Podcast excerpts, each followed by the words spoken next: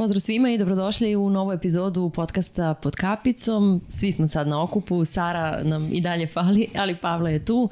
E, naravno, učestvovala je Sara u pripremi ove emisije kao i, i do sada i cijela ekipa i svi vi koji nas pratite na društvenim mrežama svaki put uredno kada objavimo ko je gost učestvujete e, na neki način u svemu onome što ćemo pitati naše goste. Tako je bilo i ovog puta, a odlučili smo kao i do sada negde da ispratimo sva ona aktualna dešavanja kada je reč o vaterpolo svetu. U ovom slučaju e, to za nas znači regionalna vaterpolo liga, jedan od turnira koji se igra u Beogradu i Pavle i ja smo odlučili da malo iskoristimo to što će neki bitni ljudi biti ovde u Beogradu ovih dana.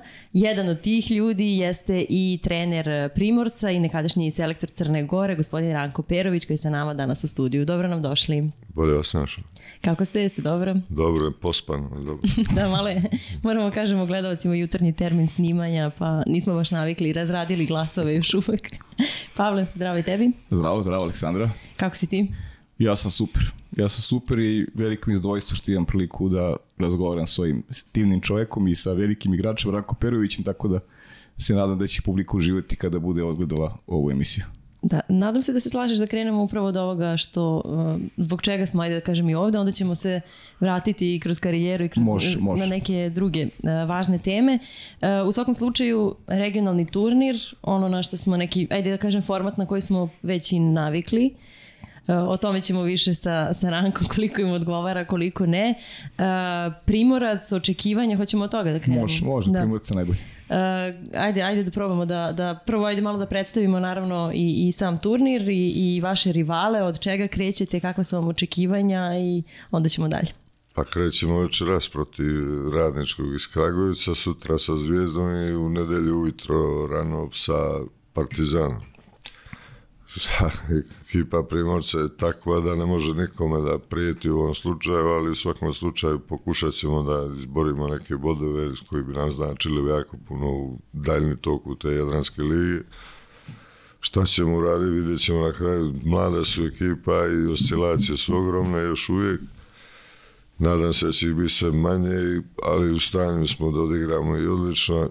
Isto tako, nažalost, smo u stanju da igramo jako loše, tako da to je neko pitanje koje ja sam još nemam odgovor, trudimo se da bude sve manje tih oscilacija, ali uslijed te njihove mladosti, uslijed nedostatka nekog pravog lidera i vođe u bazenu, to su stvari koje su normalne koje moramo proći kroz njih. Da. Pavle će više i detaljnije o timu, a ja bih još samo, eto, rekli ste tri utakmice, tri dana, Nije da niste navikli, nije prvi put, ali kako, kako pa, sada gledate? Nije prvi put, igramo već od druge godina, barem od kad sam se ja vratio u Primorci, igramo taj sistem turnira u Jadranskoj ligi, što po meni nije baš, razumijem taj financijski dio da, da, da je jeftinije da, za klubove, ali mislim da bi bilo bolje da se igra taj ligaški dio, da se igra jedna utakmica sedmično, da kažem, pričam iz mog ugla, jer mene bi više odgovaralo da je to tako, ali tako je kako je, nije samo primorac u pitanju, sve su ekipe tu, kako nama, tako i drugima. Eto, nadam se da ćemo odigrati dobro ovaj turnir u sve svoje nedostatke i vrline koje imamo, tako da, eto, nadamo se najboljima koje su dobre strane ovakvog uh, turnira za, ajde za vašu ekipu da govorimo, ne moramo o drugima, imali ih? Pa dobre strane su što smo mi mlada ekipa, tako da taj fizički dio možda se ono, brže oporavljamo od tih starijih ekipa, starijih igrača, brže se oporavljaju ti mladi igrači, mada ja opet imam i dva, tri starija igrača koji to dosta teško iznesu, tako da ne znam koje su stvarno koje su prednosti znam bolje koje su mare ali prednosti ne znam dobro je za nas da igramo te utakmice, dobro je da oni igraju sa takvim ekipama, sa pravim vrhunskim igračima i da na taj način sazrijevaju i stiču neophodno iskustvo za njihovu daljnu karijeru.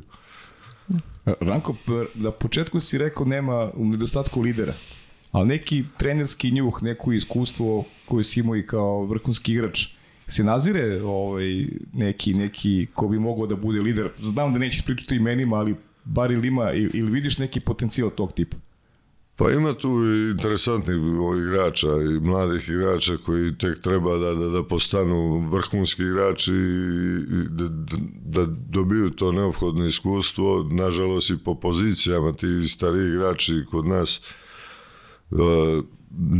teško da mogu da budu lideri u, u baš da dođe centar, golman pričamo, mm -hmm. ono, tako da to, to nam hvali nekim momentima gdje bi morali da budemo smireni, mi dalje nismo smirni, igramo brzo pleto, ali to je posljedica te mladosti i njihovog neiskustva, tako da šta je tu, idemo dalje. Uh mhm. -huh.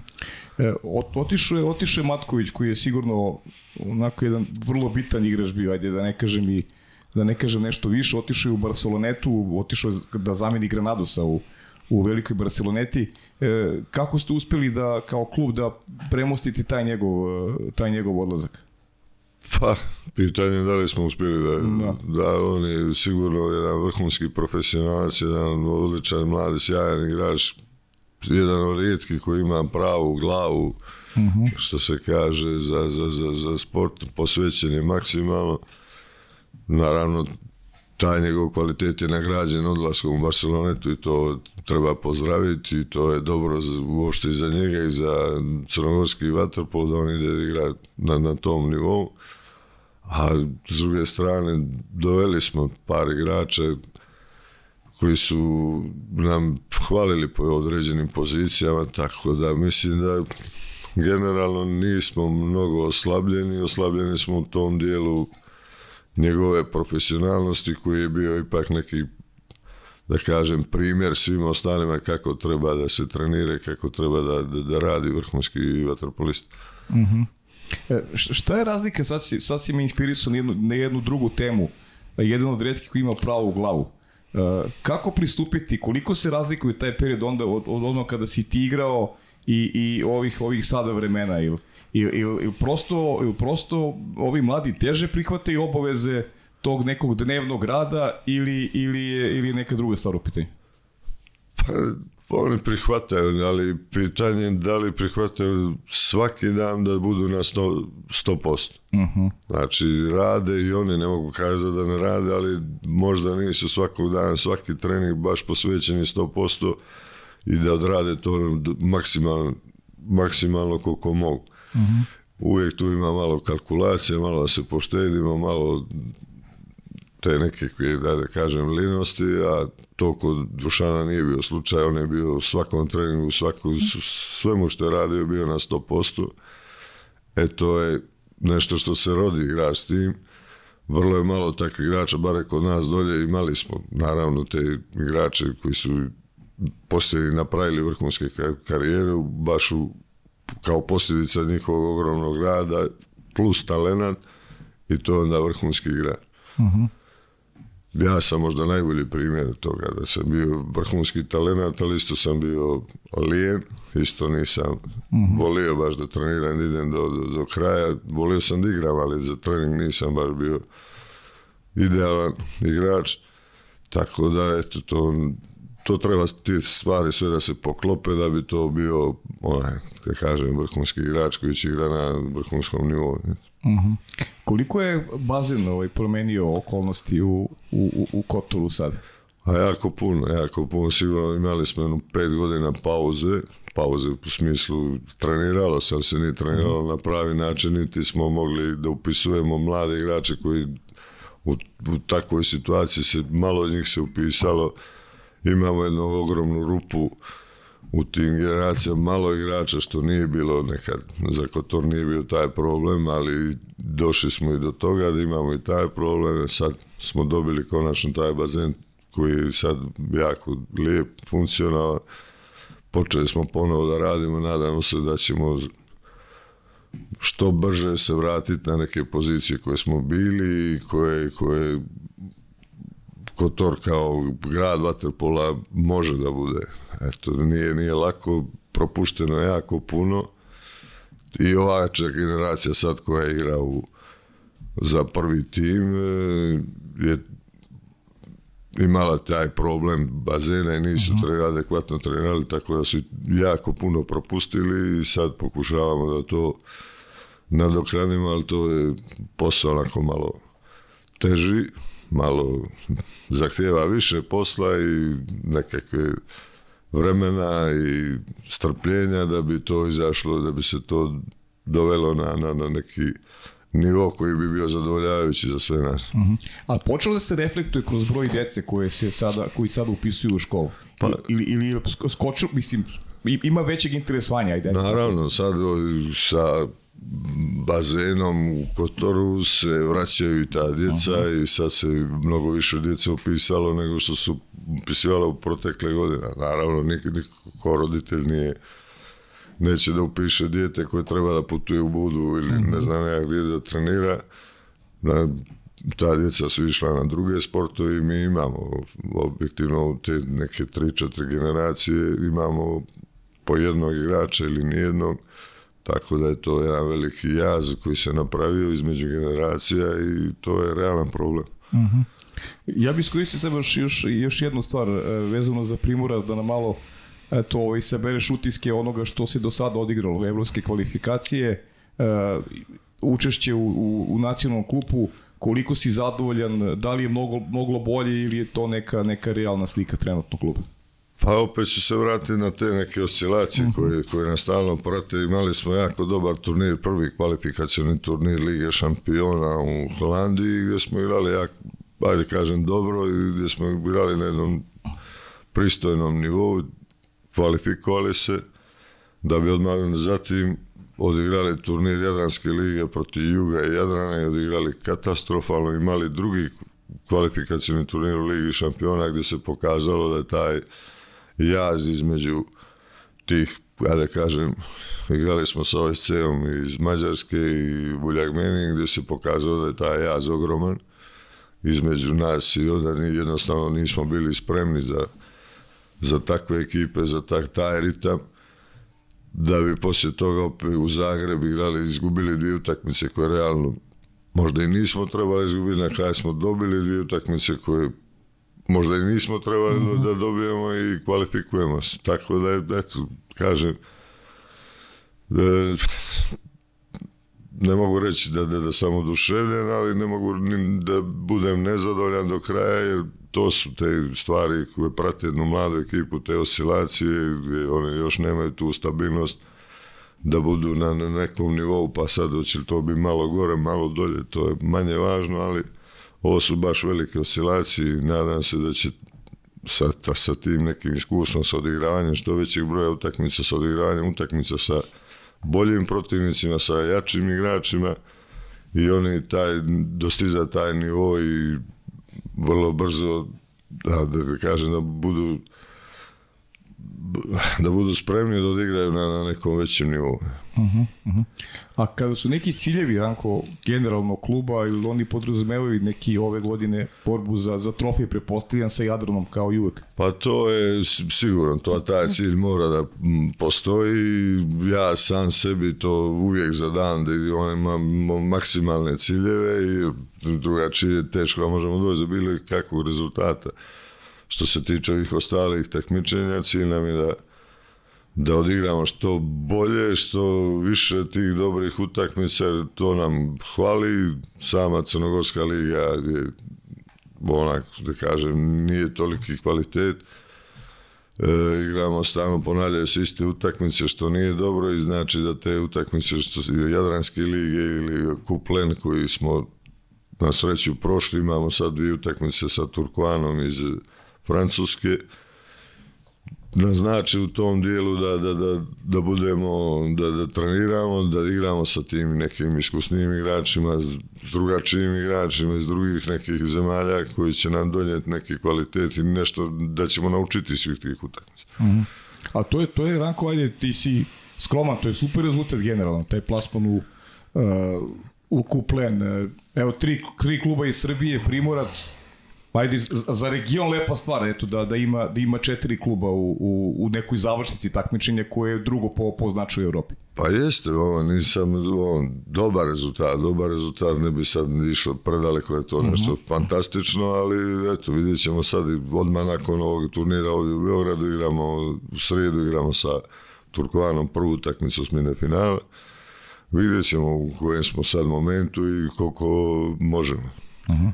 Turkoan ekipa koja je sastavljena od e, sedam igrača iz Crne Gore, Hrvatske, Srbije, tako bi još par internacionalaca, par reprezentativaca Francuske. Na, igrali smo već s njima u, ovom turniru, drugom turniru kvalifikacije za Ligu šampiona.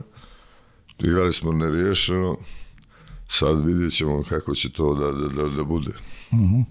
Nažalost, ja kao trener i dalje ne znam kako mi možemo da igramo i koliko možemo da igramo. Ima utakmice gdje stvarno to ide fantastično, igramo dobro, ali ima i nažalost i ovih drugih gdje ne mogu jednostavno da ih prepoznamo u bazenu. Uh -huh. A jel određuješ prioritete sada u ovoj četiri narodna meča?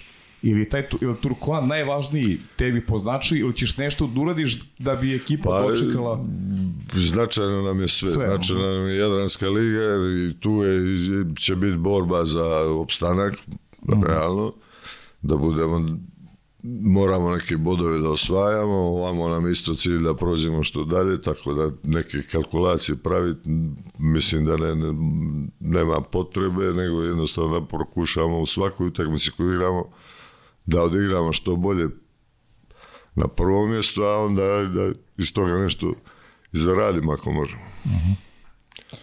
Da, spomenuli ste na početku razgovora vaš povratak u, u Primorac. Koliko je to bila laka odluka, ajde reći ćemo tako, da se vratite na mjesto gdje ste već imali uspeh? Pa dosta laka, dosta laka. Ja sam onda se poslije, ajde kažem, četiri godine sam bio u Japanu, uslijedi korone i svih tih stvari koje su bile okolo.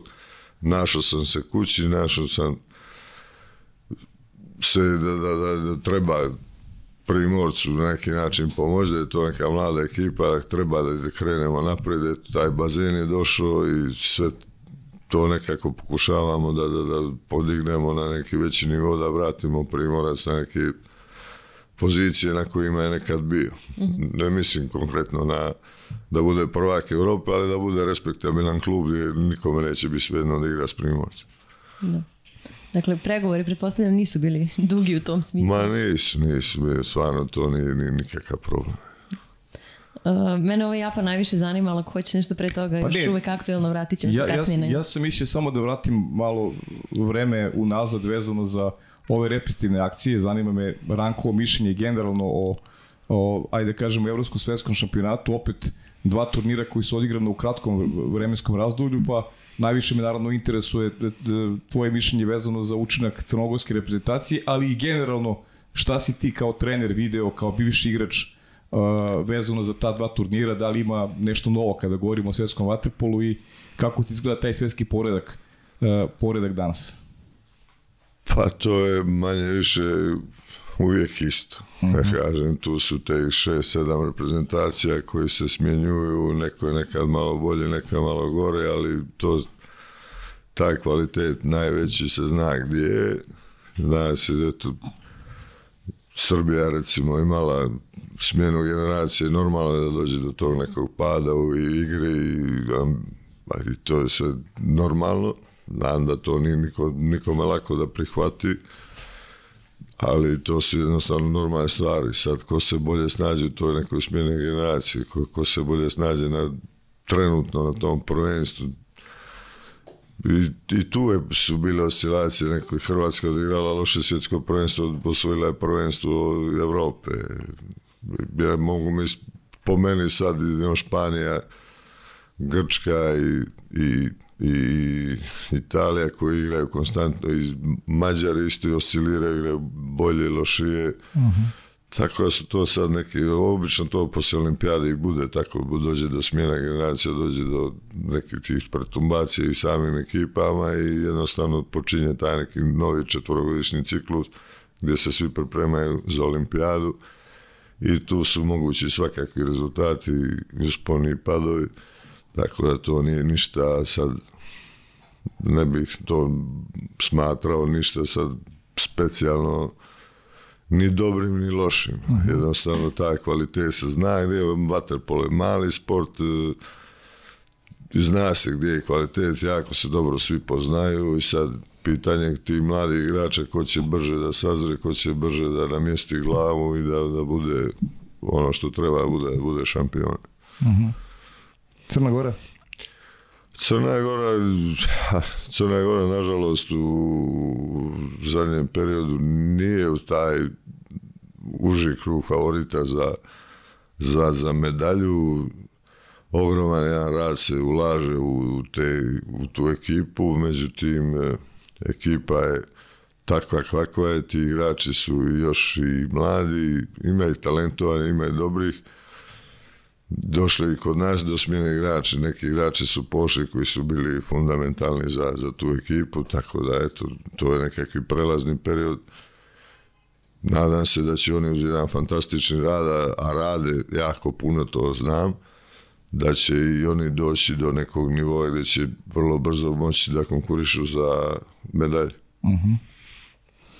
Da, ba, htjela sam da, da se pozabavimo malo i tom temom koliko mislite da je, ali odgovorili ste već, alarmantna ta situacija, to smene generacije u, u čitavom regionu. Uh, imali smo, čini mi se, i mišljenja da će neki malo bolnije proći kroz to, neki malo bezbolnije, ali dobro, negdje ste odgovorili da to sve prirodan proces.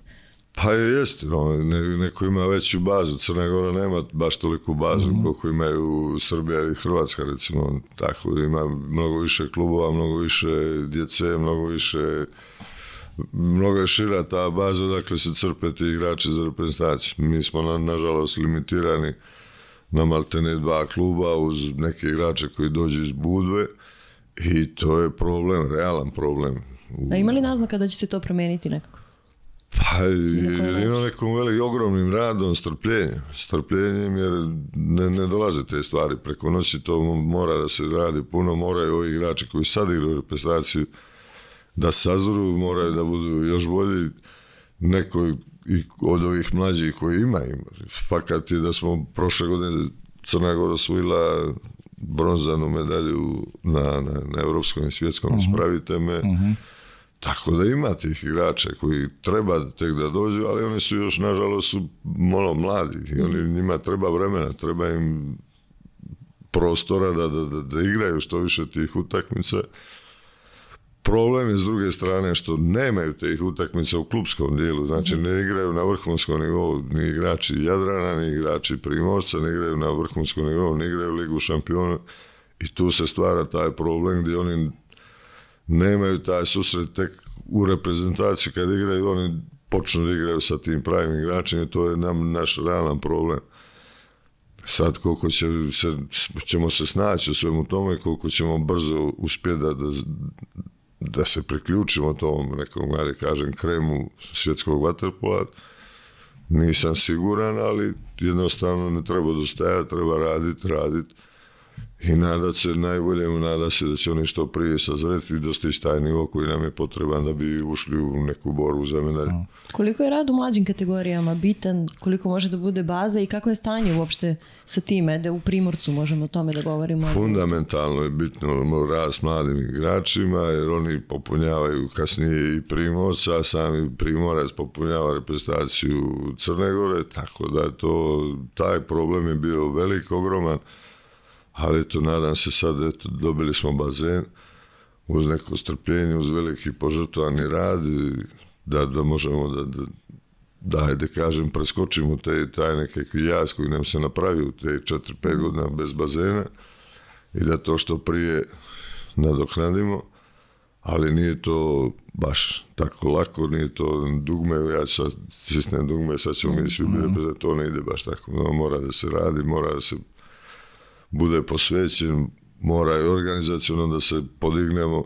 Imamo još problema koji se vuku iz godinama unazad, tako da eto, nadam se, uvijek sam optimista u tom smislu da, da ti igrači, ti talenti dolje se rađaju i da će uvijek biti tih igrača. Sad, da li će biti podržani na pravi način, da li ćemo mi uspjeti i kad pričam mi, mislim na, konkretno i na Primorca, ali isto tako i na Jadrana, uspjeti da se podignemo kao klubovi, uspjeti da igramo recimo Ligu šampiona, da tu budemo prisutni da ti igrači igraju sa tim najboljim igračima na svijetu i tako smanje taj jaz koji je trenutno. E, baš sam to, to mi je bilo sledeće pitanje.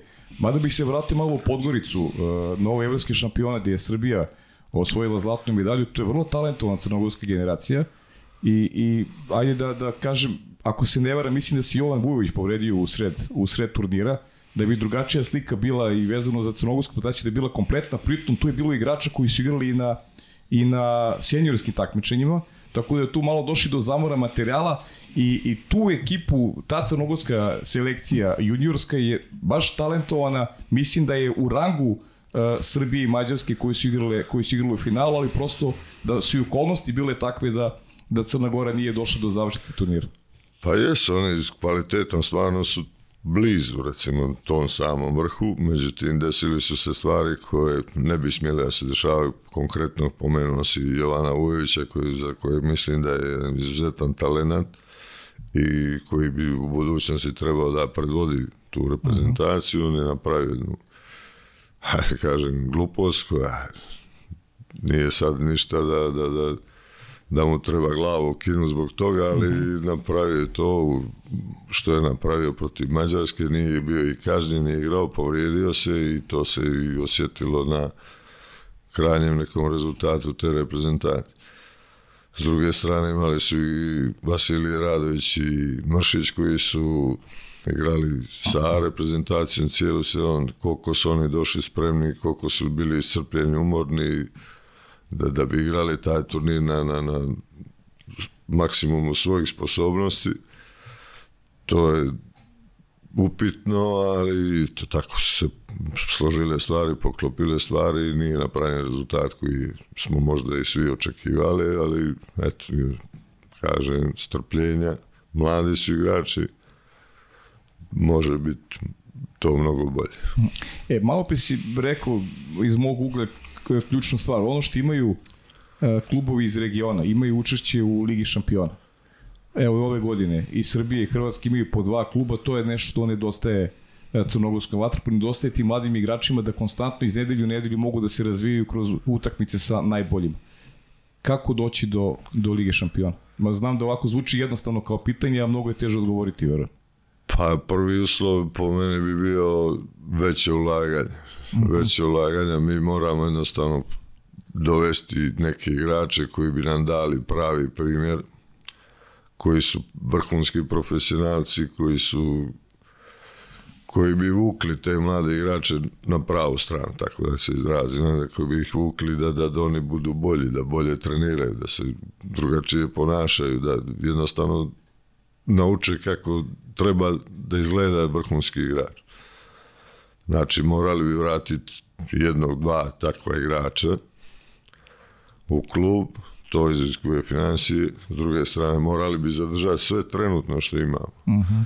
Da bi i eventualno, ali to je sad već neka naučna fantastika, gledajući iz, ovog, iz ove pozicije sada dovedemo neke strance koji bi nam još dali taj dodatni kvalitet i pogurali nas napred da bi mi onda igrali ligu šampiona, imali sve te utakmice prave i onda bi, mislim da bi to mnogo drugačije izgledalo. Uh mhm. -huh. Stalno smo spominjali to strpljenje sad u ovih nekoliko posljednjih odgovora. Ranko Perović kao trener i njegovo strpljenje kako izgledaju?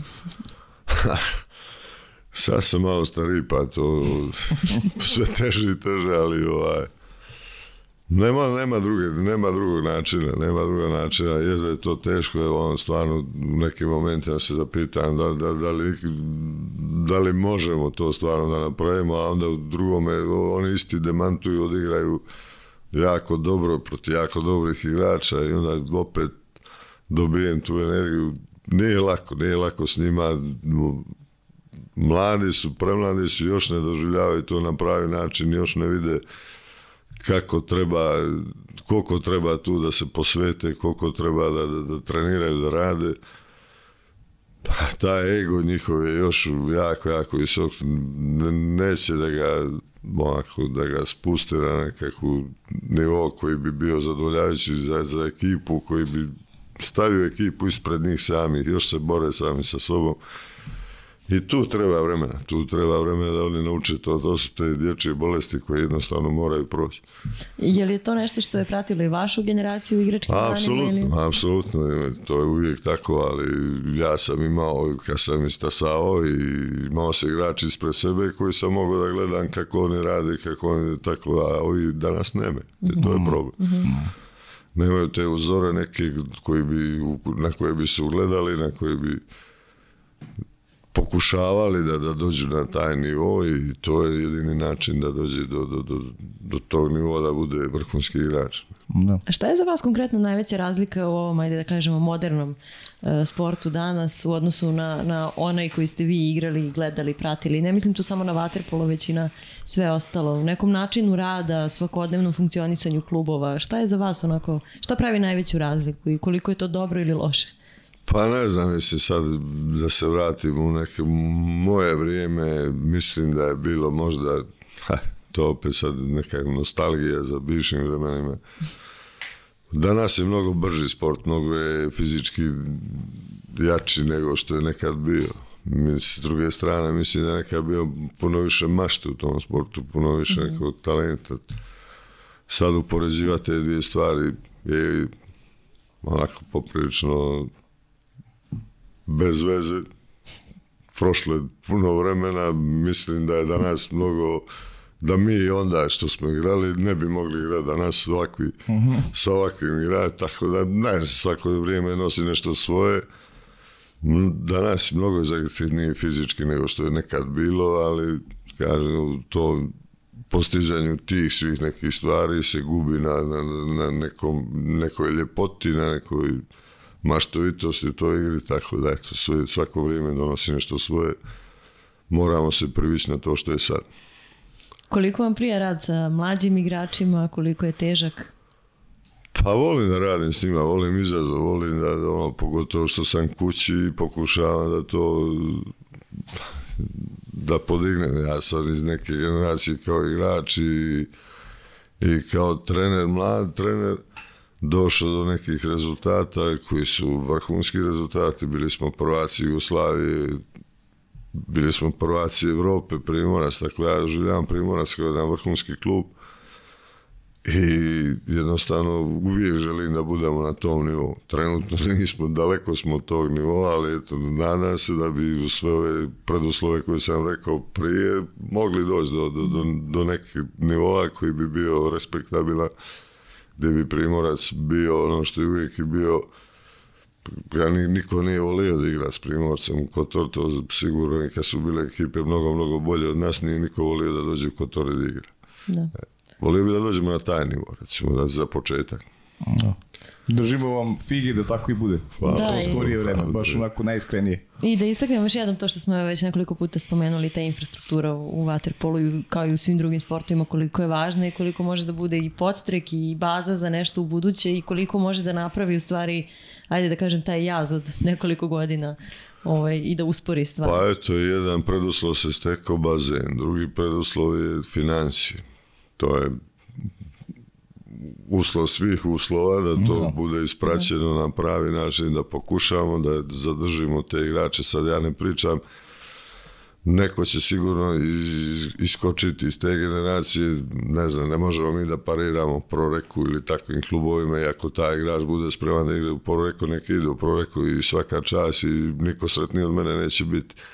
Međutim, ne sviđa mi se kad igrači za neke ajde, ne pocijenjujući ničiji ugovor, ničiji pođu da igraju za neke pare koje mislim da bi se morale i mogle naći kod nas, da bi oni ostali tu i da jednostavno na taj način idemo napred. Idemo napred ne samo Primorac, nego i generalno crnogorski vatrpo. Uh-huh. Jer ne mogu da odvojim crnogorski vatrpo od Primorca, niti od Jadrana, i to je to. Ne?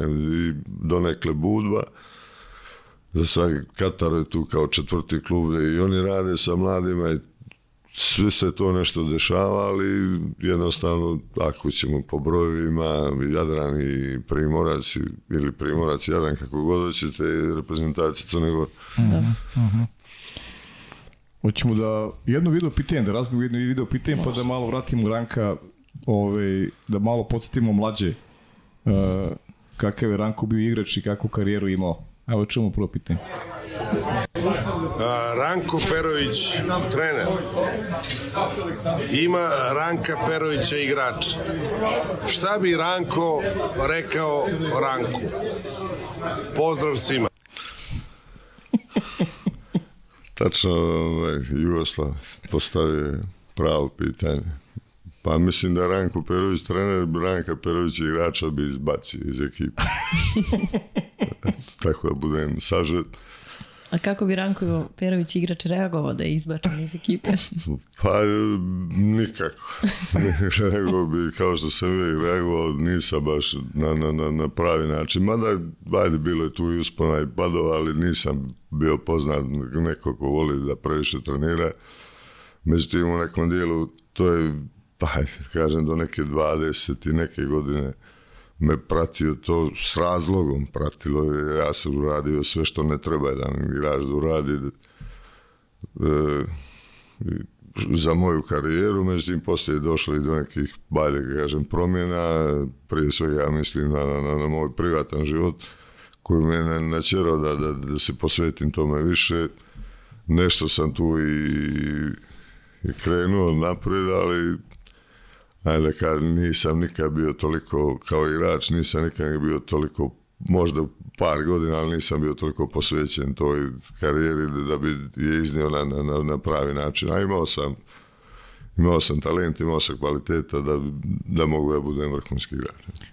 Pa ja ću odmah kažem, ja, ja, pošto pričamo sa ljudima iz Vatepola, tebe porede mnogi sigurno Milanovićem i kažu da uh, si onako bio jedan biser pravi, neko koji je sigurno mogao da ima mnogo bolju karijeru, pa ili ti, ili imaš, žališ nekad za, za, za tim nekim period, bi promenio nešto da možeš ili prosto kažeš ja sam takav kakav jesam i to je to? Pa znate, kaj danas je to pitanje šta bi bilo da, si, da bi ne bilo, ne? Da sam mogu, promijenio bi, vjerojatno tada -huh. pričam. Sad bi, da. sad bi, ali to je naknadna pamet, to nikome ništa ne donosi. -huh. Ali tada da sam mogu, vjerojatno bi promijenio. Nisam mogu, zato sam napravio karijeru kakvu sam napravio, ja mogao sam, sigurno da sam mogao više, ali ne žalim za ničim, takav sam bio, kakav sam bio, bio sam sigurno da sam bio, ajde kažem, tri, četiri najbolja centra u tom periodu mm -hmm. u, u Jugoslaviji, u, poslije i Srbija, Crna Gora, ali jednostavno ljudi su više radili od mene i kao posljedica toga su napravili bolje karijere. Uh -huh. Jednostavno nemam ja sad nikako niti opravdanje, niti želim da se pravdam. Radio sam što sam radio, niko mi nije za to kriv. U tom nekom dijelu bio mi je vas da kriv ili trener ili ne znam, klub ili svak mi je bio kriv. U jedini sa ja bio ispravan. Međutim, to nije tako. Sad mogu to da sagledam bolje i na kraju krajeva srećao sam se sa nekim timom i srećen si dan danas sa trenerima s kojima sam radio, koji mi su mi pomagali, koji su pokušavali, koji su dali sve od sebe da, da naprave još bolji igrač od mene, na čemu sam neizmjerno zahvalan. Nije bilo lako radi sa mnom. Tako da, eto, to je to, to je šta je tu, ne mogu, ne mogu ja sad to da promijenim i kažem, ponavljam, možda sam mogu, nisam mogu bolje u stvari, ali da sam mogao napraviti bolju karijeru, da sam bio veći radi, mogu se. Kada razmišljate o Waterpolu, ne samo o tom igračkom delu, nego i sada o ovom trenerskoj, trenerskoj fazi karijere, um, za koje stvari pomislite, e da nije bilo vaterpola, ne bih danas imao ili to, to i to, ili ne bih danas bio takav i takav. Šta vam je vaterpolo doneo u stvari? Pa vaterpolo mi je donio život cijeli. Mislim, ovo, ja sam svoje šeste, sedme godine u vaterpolu i kao igrač i poslije kao trener jednostavno ne mogu to da odvojim od, od moga života. Cijeli, cijeli život sam uz bazen, na bazenu, tako da vidio sam svijet, družio sam se sa ljudima, družim se dan danas ljudima iz Vatrpola, tako da do njom je jako mnogo. Isto tako ne, negdje mi je uzeo jako mnogo, ali sve u svemu to je, šta je, tu je, to. Ne, ne mogu sad ja da pobegnem iz ove kože, pa da bi nekad volio da sam nešto drugo, ali to je to. Kad presjećate, jeste li u plusu i dalje? Pa evo svakako da su plus. Svakako da su plus. E, Ranko, ovaj, zašto vaterpolo? Pa Vatrpol Kotor je neki najprirodniji, mm. barem tada bi, pa i sada, ali tada pogotovo. Znači, vaterpolisti su bili naši uzori kao klincima, ljeti se išlo na bazen, sve, sve se dešavalo oko bazena i najprirodniji neki put je bio da i ja završim na bazen. Moj brat je igrao vaterpol, tako se ja njega stariji brat, znači moj četiri godine stariji od mene, on je išao na bazen i ja sam išao za njim i to je bio ono, tako prirodno da mm. jednostavno nije ni bilo nekog drugog Izbora. izbora. A ko su bili ti uzori, tvoji uzori? Moji uzori kao igra, pa prvi prije svega je bio onaj, kad, kad sam dijete, kad sam počinjao da, da, da, da igram vaterpolo, bio mi uzor Zoran Gopčić. Pa poslije sam se srećao sad i sa drugim nekim igračima, vidio drugi igrače, po poziciji su mi bili, ono, sigurno da, da su tu bili, ne znam, koliko sjećam da idem daleko, bio je Damir Polić iz Poška, on je bio mene tako nekako, ja sam njega strašno volio kao igrača. Nakon toga tu su došli Paškvalin, pa Igor Milanović, to su sve vrhunski centri koje se ja gledao, kopirao, pokušao da, da mada se opet imao i neke svoje stvari jednostavno imao se, imao Vesko Marković iz Primovca, isto to Đoko Popović, uh-huh. vrhunski igrači i stvarno smo mi kao djeca bili privilegovani da gledamo vrhunski vaterpol jer tada je Primorac, ajde ne kažem, da je bio sigurno u 3-4 najbolje ekipe u bivšoj Jugoslaviji. Uh-huh. Uh-huh. I gledao vrhunski vaterpol, vrhunske utakmice i to je jednostavno bilo nešto što je nas privlačilo na bazen da budemo cijeli dan tamo i da po cijeli dan ako ne treniramo, barem se vrtimo oko bazena, šutiramo, ne znam ja što smo sve radili, jednostavno smo živjeli s tim. Uh-huh. A priča si malo, zahvalio se trenerima koji su ti pomogli da budeš bolji igrač, pa ćemo da izvojimo neke trenere koji su onako ostavili najveći uticaj na, na, na, na tebe, na, na tvoju karijeru, pogotovo u tom periodu odrastanja. Pa to je prije svega Slobovičević. Uh-huh. Jer on je kao trener mlađih kategorija Primorca, tu jednu generaciju cijelu koja je bila jako dobra generacija, moja generacija, gdje smo mi imali jako puno uspjeha u bivšoj Jugoslaviji kroz te pionirske kadetske selekcije, mi smo osvajali to, bili jako talentovana generacija, tu je bilo 3-4 vrhunske igrača i on je bio taj najzasluženiji koji me na neki način usmjeravao. Poslije toga i Pavlevićević koji mi je dao šansu kad sam bio vrlo mlad da igram naravno poslije toga ono, jako cijenim i poštujem Nikolu Stamenića koji me pozvao nakon svih mojih gluposti i, Mhm.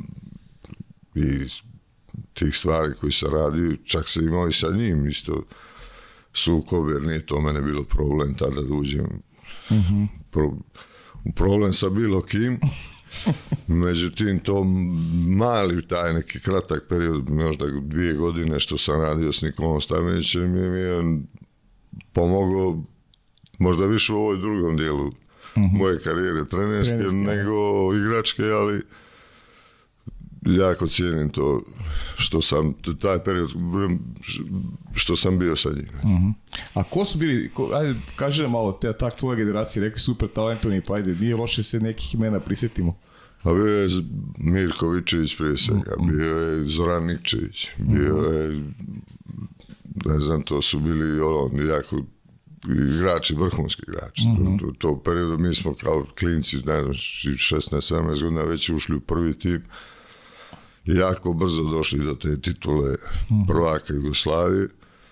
A nakon toga su nam se putevi razišli, ovako neko i svaki išao u nekom svom pravcu i to jednostavno, to je trebalo da se zadrži kod to duže vremena i mislim da bi onda Primorac, ali to šta bi bilo da je bilo, tako da Da, da. ali to su neki igrači koji su fantastični bili, stvarno za to, za to doba su bili odlični, odlični igrači. Da, da, Mirko igra u reprezentaciji baš dugo. Ja, Osobu. poslije toga došao Velju Skoković, došao da. i tako da, to su, eto, da kažem, neki biseri kotorskog vaterpola. Hoćemo na još jedno pitanje. Ajde, može. Koje god pustiš. Ćao, pozdrav za sve vas u studiju, posebno za Ranka, sa kojim sam imao više nego us- uspješnu saradnju u reprezentaciji. Eto, čuo sam da će bude gost, pa bi imao dva pitanja za njega. Prvo je, pošto je e, bio kao trener u Japanu, radio tamo par godina, to je za nas onako e, jedan, e, jedan, jedna posebna kultura. Htio bih da ga pitam da li postoje neke karakterne osobine i radne osobine njihove koje bi volio da, da naše stanovništvo ima, a nema i koje su to. Vjerojatno će odgovor biti sve, ali ako može da izdvoji neku. I druga, od kad je krenuo da se bavi trenerskim poslom, da li postoji neka lekcija e, koju ga naučio trenerski posao i koju sad stalno primjenjuje, a da na to nešto nije bio spreman. Eto, veliki pozdrav još jednom i nadam se da će Ranko da uživa u studiju emisiji. I veliki pozdrav za tebe, Pavle. Ćao. On, leka ima to što imaju Japanci. Znači, ta posvećenost, ta požrtvanost njihova u svakom treningu, u svakom...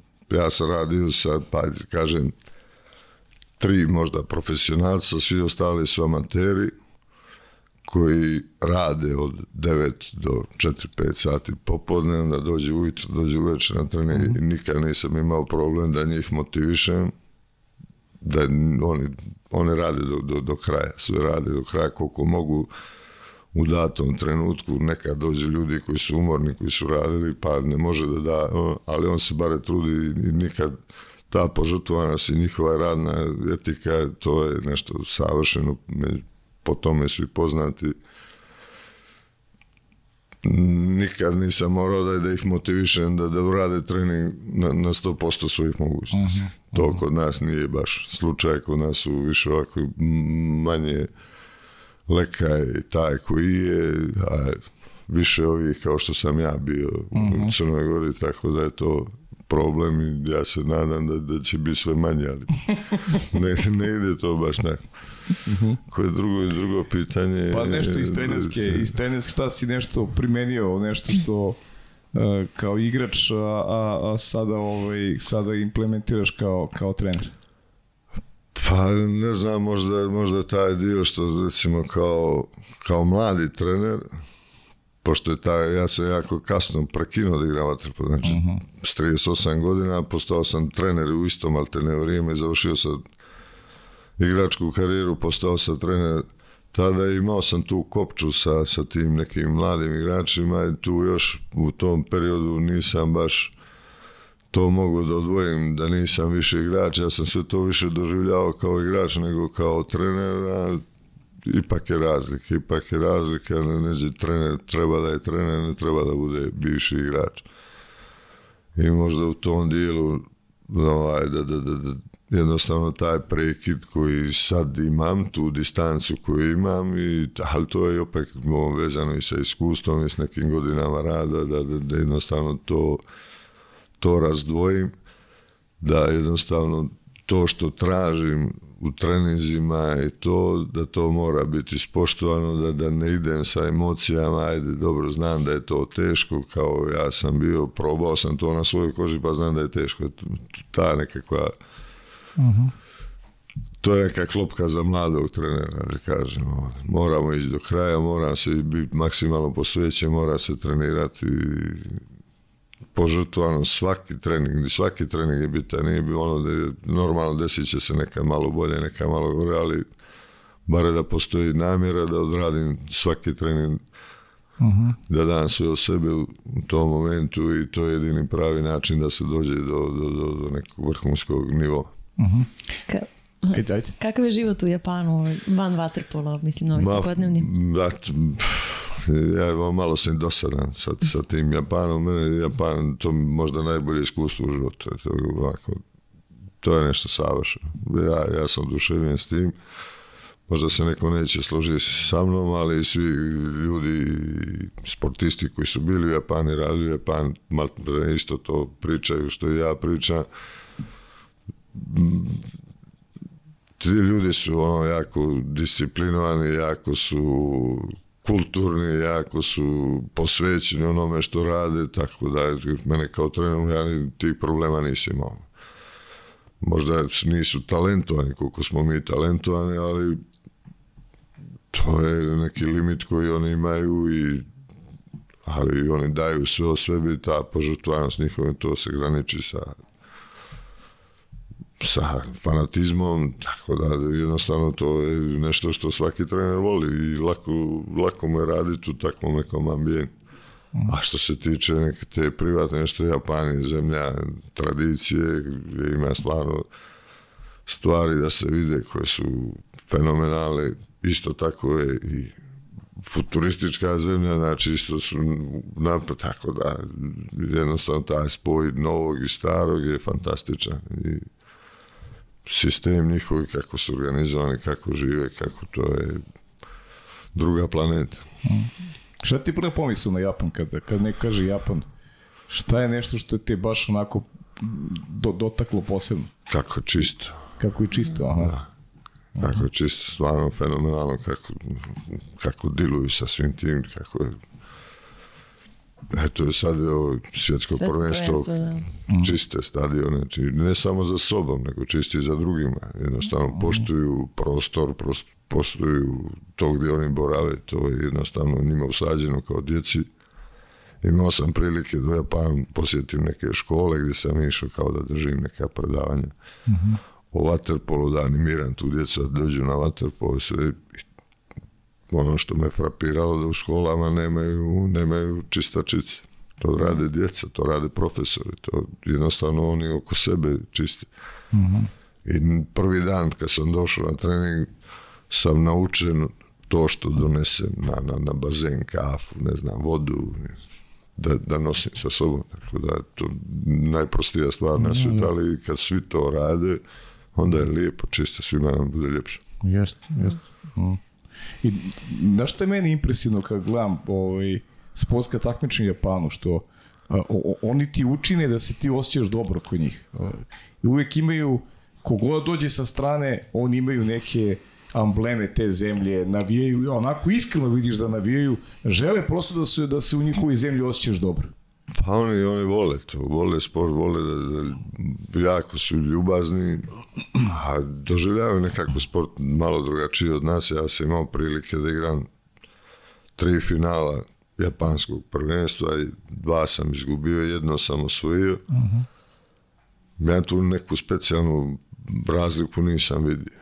Znači ja prvi put kad sam igrao finale, izgubili smo finale, ja naravno sam bio razočaran, da sam bio onako dosta tužan u tom momentu. Prišao mi je čovjek koji je bio glavni moj, recimo, šef, i kaže, fantastična utakmica. Ja nisam u tom momentu znao da li, da li me ono, da li me zafrkava ili, ili ozbiljan, međutim vidio se da je mrtav ozbiljan, kaže mi smo napredovali, mi smo lijepo igrali, bila je lijepa utakmica. Sljedeće godine smo osvojili to finale, potpuno ista priča, ni- nikakva sad neka velika euforija, neka super, osvojili smo, veseli smo, normalno, to je sve proslavljilo se, ali tu nije bilo neke razlike. Hoću reći da više cijene onaj kontinuirani rad koji se dešava u jednom periodu vremena, nego sama ta jedna utakmica koja može da bude, da ode na jednu, na drugu stranu. A taj rad, oni poštuju to, da li smo mi u tom periodu, od kad sam ja tamo, da li smo bolji. To su znali, vidjeli su, prepoznali su da su bolji, vidjeli su taj neki napredak i to je ono što su cijenili kod mene. Ali složit ćeš se da su oni i napredovali značno. Evo kad gledamo sad velike takmičenje, ili ima neko od ovih igrača koji se pojavljaju na veliki takmičenjima koji su žargonski rečeno prošli kroz tvoje ruke? Znamo recimo koliko se Srbija mučila u Riju sa Japanom uh, i generalno poč, počeli su da pobeđuju ekipe koje su po neko, aj nekim procenama možda i kvalitetnije od njih. Pa recimo kad bi sastavljali igrača jedan na jedan, mnoge ekipe su bolje od njih, međutim oni imaju tu fanatičnost u treningu, oni rade treningi, sad pričamo o reprezentaciji uh japanskoj, ja sam imao kontakta kroz moja 3-4 igrača. Oni treniraju jako puno, posvećeni su to u tome su 100%. Znači igraju neki vaterpolo koji je malo drugačiji, to sve, pa, bio je najbolje ekipe su počeli da kopiraju Japanci u nekom dijelu. Tako da to im donosi rezultat, ta njihova posvećenost. S druge strane nisu organizovani u smislu oni igraju vaterpolo kroz univerzitete i nemaju neku ligu jače, nemaju ti puno tih utakmice. Ko u Americi, znači taj neki sistem. Pa otprilike, manje više isto i to je ono što ih košta na ta velika takmičenja, to njihovo nekako neiskustvo, nesnalaženje u bitnim tim momentima, gdje oni jednostavno nemaju taj broj utakmica koji bi im donijeli tu ru- rutinu da to odrade do kraja. Ali to što imaju, imaju uslove, imaju fenomenalne bazeni su fenomenalni, ne hvalim apsolutno ništa, imaju sve pod konac, tako da kad bi još, da kažem, organizovali se bolje i napravili neko prvenstvo da se igra, da igraju više utakmica, da eventualno i dođu još treneri koji bi radili kroz te klubove koji bi ih malo unaprijedili uz neka velika igračka imena da dođu tamo da igraju, mislim da bi jako brzo došli u vrh svjetskog vatra. Ili bi doveo nekog igrača iz Japana u, u klub? Pa ja dok sam bio tamo sam slao te klince, sam slao da, da dođe ovamo, oni su gl- uglavnom bili su i dolje kod nas i slao se ih u u Italiju i kroz druge klubove i sad ima, ima njih tri, četiri jako interesantne igrača. ova. Najviše se priča o malom i Nabi, koji sad igra u Trstu, koji je godinama uz, na svim tim prvenstvima na među najboljim strijelcima. On je trenirao sa mnom, do duše, moram biti iskren, trenirao je vrlo malo, možda nekih mjesec dana bi trenirao taj period dok sam ja bio tamo jer je uvijek igrao ili u Europu ili je bio sa reprezentacijom, tako da nije puno proveo vremena sa mnom. Ali to je dečko koji već sad, on je 2000. godište, je već sad ozbiljan igrač. Ima još 3-4 igrača koji bi mogli da igraju u bilo kojoj ekipi na svijetu. Ima neki koji ne interesuje jednostavno da dođu da dođu da igraju u, u Europu. Nažalost, nažalost, nažalost, što se tiče vaterpola, oni jako brzo prekidaju da igraju vaterpolo, čim se oni zaposle na nekom većem nivou, završe univerzitet, zaposle se, da oni tu prekidaju sa 26-7 godina, oni već prekinu da igraju vaterpolo. Tako je to, da, to su njihove problematike i eto, to se teško može promijeniti, ali onako, generalno oni ulažu u sport jer je to zdravo. I to je poenta Da, svega. bravo. Gdje si živio, Ranko, tamo u... Kashiwazaki, to Kashiwazaki, je jedan Da, grad, tako si klub zove, tako?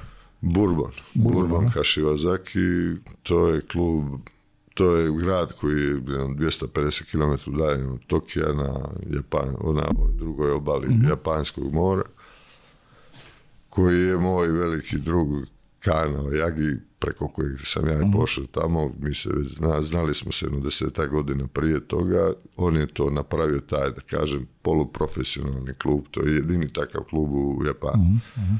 I on je dugo imao želju da ja dođem tamo, ja sam naravno zbog mojih obaveza nisam mogao da idem tamo, a bila mi želja, bila mi želja da upoznam Japan, da vidim Japan iz nekog drugog ugla. I kad sam dao ostavku na mjestu selektora, tu sam bio još, je- prvi put sam pošao mjesec dana, ja mislim, tako da čisto da se upoznam sa ambijentom, i nakon toga sam pošao za Japan i proveo sam tamo četiri, tri, četiri sezone, četiri sezone i kažem, to je jedno fantastično iskustvo i nešto najljepše što mi se u životu desilo, čini mi se. A, aj malo, još, još malo o Japanu. Vezano, vezano s vaterpolom. Vezano s ti- aha. A kako si slobodno vreme neko provodio kad nisi ovaj u, bio na treningu i Pa recimo da, ono, principu Ni, to je taj dio malo problematičan, taj dio treba se organizovati zato što oni svi rade i tu sad nekog druženja u smislu kako mi živimo, nema. Međutim, ja sam tada imao neke stvari i privatnih i zdravstvenih gdje sam se trudio da dovedem sebe prvu u red poslije reprezentacije gdje sam bio pod ogromnim stresom. Stres znači da idem, da ne izlazim iz frižidera, da jedem. Jer smo odebljao sam, morao sam da ono, samim tim došlo je do, do, do komplikacija i zdravstvenih i morao se jednostavno da, da, da promijenim način života i to mi je dosta pomoglo da jednostavno tamo sam počeo da i da, da, da tre- treniram. Po znacima na voda, počnem da trčkaram, da počnem da du te šetnje, da počnem da se bavim hikingom, da, da, da, da plivam, nešto sve sam radio, tako da sam tu eto, izgubio tih nekih 30 kila i to, to, to mi je bilo onako, a oprilike svakih nekih 10-15 dana oni su svjesni bili da da, da ja ne treba njima sad da stojim tamo po cijeli dan na, na bazeni i oni jako su se puno trudili da mi organizuju taj život da bi mi bilo što interesantno. Ja sam proputovao jako puno ono, kroz Japan. U principu to su bili neki onako kao izleti 3-4 dana gdje sam obilazio stari Japana i uz, u te utakmice to sam obišao dosta tih gradova njihovih i po unutrašnji, unutrašnjosti i većih gradova tako da sam ono, jako zadovoljan zbog toga što sam vidio to sve što sam vidio to vjerojatno nikad ne bi, Nema vidio, da. nikad ne bi vidio da, da, da nisam bi pošao tamo. I išao sam na prava mjesta jer su mi oni Od na- da, upućivali što treba, kako treba i jednostavno su me uvodili u taj njihov način života i u njihovu kulturu. Super. Pavle, uglavnom znaš šta mene najviše zanima, hrana i piće, šta biste nam preporučili da probamo tamo odemo? Sve. Da. Mislim da je to, valj- o, bio sam dugo u Italiji, to je da, isto vrhunska kužina, ali mislim da je japanska ono, fantastična. Malo ljudima to u startu, taj sushi, sashimi, imaju neki otpor, međutim, ja nisam, ja stvarno nisam imao taj, ali recimo moja supruga koja je prvi put živo, sad treba da, međutim, kad je probala oduševljena i ona, tako da, hrana im je fantastična, super zdrava, super lagana, piće, piju dobro oni, nemojte misliti da oni piju, piju oni jako dobro, ovaj, imaju svega, pa i o, viski, japanski viski možda najbolji viski na svijetu, to ne znam koliko svi znaju, ali Pa to je činjenica. Oni su kupili škotsku tehnologiju, a imaju ne, valjda najbolju vodu na svijetu i to je i sigurno oni sve što rade to mi je da je jedan drug moj rekao, Japanac, kaže, mi nismo, mi nismo ništa izmislili, ali kaže, mi ako ti nama daš ovo, ja ću da napravim to bolje.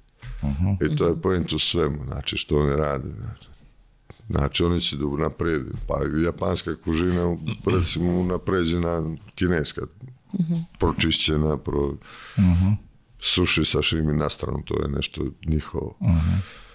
Ali to je nešto što, pa žive po 120 godina ima, ne znam koliko ima.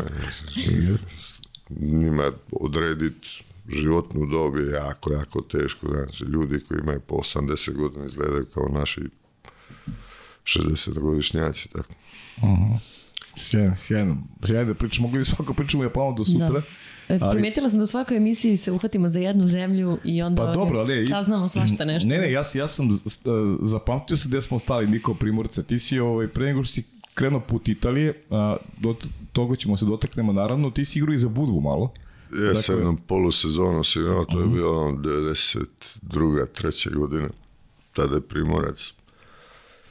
I ona jako puno problema, ja sam bio pod ugovorom, nisu mogli da me plaćaju i to ta nekakva polusezona sam igrao za Budu. Poslije toga sam otišao za, za, za Italiju. Onda se opet vraća u Budu, pa opet za Italiju. Da, Italija je neko... Italija je uglavnom bila, da, tamo sam proveo najviše vremena. A kaži Preko, ti si otišao u Preko kao posle Da, puta. Kako da. ti to iskustvo? I ili bio dobar tajming odlaska u Reku ili kako doživljava Pa sad? bio je, bio je dobar, ovaj, bio je dobar, nije sad tada bio Proreko. Proreko je najveći italijanski klub nevezan ovih zadnjih 20 godina, što oni rade. Da. Bio i tada najbolji, najtrofejniji, uz Posilipo najtrofejniji klub. Jako organizovan klub, međutim tada nisu imali ekipu, mi smo bili recimo treća, četvrta ekipa u Italiji. Taj te godine igrali smo ja i Mirko Vučić kao stranci. Jako dobar trener i jako mio čovjek. On mi je ostao onako u dobrom sjećanju, pokojni Enzo D'Angelo. I ajde kažem da, da, da smo odigrali dobru sezonu, ništa spektakularno dobru sezonu, međutim ja sam odmah poslije te sezone odlučio da se vratim nazad i vratio sam se u Budu, igrao sam u Budu te dvije, tri godine po- poslije toga. Nije ti prijelo Reku ili... Pa nije da mi nije prijalo, ali nije mi bilo, recimo, tada je ono, uslijed sankcije, uslijed svega, to će znati svi igrači koji su, evo, ni- nismo mi mogli da postignemo cijenu koju smo neku bar realnu. zasluživali. Znali su da smo mi tada i, i išli samo da izađemo, bilo je ratno doba i sve te stvari, da, da ne ulazimo u to i jednostavno su pokušavali da, da, da, da, da to što manje plate. I to je bio onako u principu najveći razlog zašto sam se vratio. Jer u međuvremenu se desile stvari, ovdje je prestao je rat, e, pokušali smo opet da, da iza, sankcije su se skinule, neku sa šansu svoju je vidio, na kraju to i tako i bilo, da, da, da zaigram za reprezentaciju, da, da se vratim tu. I to, to, to je tako neka odluka bila. Poslije toga opet su stvari počele komplikovati, opet to, i opet sam pošao za Italiju. Tako je to neki put moj bio. E, nisam mislio sada da, da, ti, da, da ovako posebno pričamo o svakom klubu, ali ajde ti malo da e, šta je u tvojim sećanjima, rekao si mi pre emisije da ne patiš neki detalje, pa ne znam, možda neki trofej koji bi izdvojio Ma ne, ma ni, ni, ni, ni, nisam, igrali smo, e, uglavnom smo igrali dobro, ali nisu to bile ekipe koje su bile u borbi za, za, za, Za trofej. trofej. Uglavnom smo imali neke druge ciljeve ili da se plasiramo u kakav playoff ili da izbjegnemo ispadanje. Ajde kažem da ni, ni, ni tu nisam birao nešto sretno te, te, te klubove, ali sam išao s tom linijom da manje treniram, da mi to, da, to je- da, to da je isto. više para, da manje treniram. Dakle, to je trebalo naći taj balans. ali to baš nije jednostavno uvijek. I to me nekako, to mi je bio taj neki drive. Ajde, da, da, da uzmem što više, da dajem što manje, ali naopako. A čekaj, Katanija, Bergamo, gde si? Boljasko. Boljasko, da. E, To su ti neki gradovi svugdje nešto. Uglavnom ono, upoznavao sam neke nove sredine, no- nove gradove, nove ljude. Ajde, recimo, ovamo je Sicilija, ovamo Bergamo, to je nebo, zemlja, Da, je da. ista država, ali sever, ne, da. neba, zemlja, ovamo je mnogo ljepše živjeti, ovamo je mnogo lakše raditi. Mhm. Tako da, eto, te neke krajnosti, ovamo Dženova, Boljasko i Reko su Dženova, i to je opet neka treća priča, tako da s te strane, ono, obišao sam Italiju, vidio se jako puno Italije, Italija mi je jako draga zemlja i milo mi se uvijek vratiti tamo. I to su neka, neke stvari koje sam zaradio van vaterpola, na, na, na nekoj opštoj kulturi nekim stvarima koje sam vidio, koje sam upoznao, jednostavno sad kad pođem u Italiju imam osjećaj kao da sam kući. Da. A, a što ti najviše prijelo od ta tri dela? Onako, za koji si posebno vezan? Neki stil života, ne, negdje Pa si stil života najbliži mojem stilu života. Kotoru je najbliže je Sicilija, Sicilija. međutim na Siciliji ne dobijaš pare šest mjeseci, što opet neđe se... Po, Pa sa stilom života se poklopi. A onda pođeš u Bergamo koji je bio prilike bio neka, pa ajde kažem, je možda jedan od najbogatijih, ne možda, no sigurno najbogatiji. predgrađe Milana praktično, da. Tako je, najbogatiji dio Italije gdje je sve kao u Švajcarsku, to je sve organizovano, radi se, sve profesionalno, sve plaćeno, sve uredno. Međutim, taj drugi neki dio gubiš. Da, da. Dženova je neka nešto između, ali jednostavno eto, sve je različito, tako da ne, ne mogu reći, ovamo mi s jedne strane bilo bolje s te neke financijske, ovamo sa te neke socijalne strane, socijalne, ovako, tako da gdje mi je bilo bolje, u stvari, ne znam. Ne znam. I zavisi Svaka, s kog kao aspekta turista bi sigurno rađe pošao na Siciliju Na nego u Bergamo, ali ako treba da idem da radim, rađe bi sad pošao u Bergamo da radim nego što bi pošao na Siciliju da radim. Mhm. Tako da, A s kim si više kontakta ovaj, ostvario? I na Siciliji ipak dole? I si imao neka nepretni iskustva na Siciliji? Nis, Nisi, nisam, nisam, stvarno nisam imao neprijatnih iskustva, mislim taj dio neki, ako ti vodiš svoj život, ne, ne miješa se u njihove stvari i nemaš problema. Sad ako ćeš da tražiš problem, naćeš ga. Jako, jako brzo, nažalost, ali nije bilo te, tih stvari, tako da jednostavno ono, dosta ljudi u Katani je tada bilo tri kluba i jako puno ljudi se tu srećalo, mi smo se družili između sebe, tako da nije bilo potrebe da ulazimo u neke te problematične neke situacije i tako. Kad to nisi mogao i futbol da gledaš? Moglo se, ali Slabo, a? nisam baš ovaj, tada je bila prvoligaška Tanija, Jest. baš u tom momentu kad sam ja bio tamo, ali jednostavno ja ne doživljavam to na neki način da kao nisam neki veliki navijač, eto, tako da kažem, tako da nisam išao više neke druge stvari su mi interesovali. Ništa, Pavle, ti stavi Siciliju na spisak tamo, naš? Da, dobro, kada je Sicilija. Turistički, Da, da, da. da, treba vidjeti, treba vidjeti, stvarno lijepa, mnogo lijepa zemlja. A kad smo već kod Italije, hoćemo sad ono video pitanje. E, može Za koje nam treba da. prevod. Da, može video. Ciao Zirnagora, ciao a tutti, ciao Darco, ciao Ranco, amico mio. E, premesso che un cuore mio è sempre a Zirnagora, faccio una prima domanda a Ranco che è quella la seguente.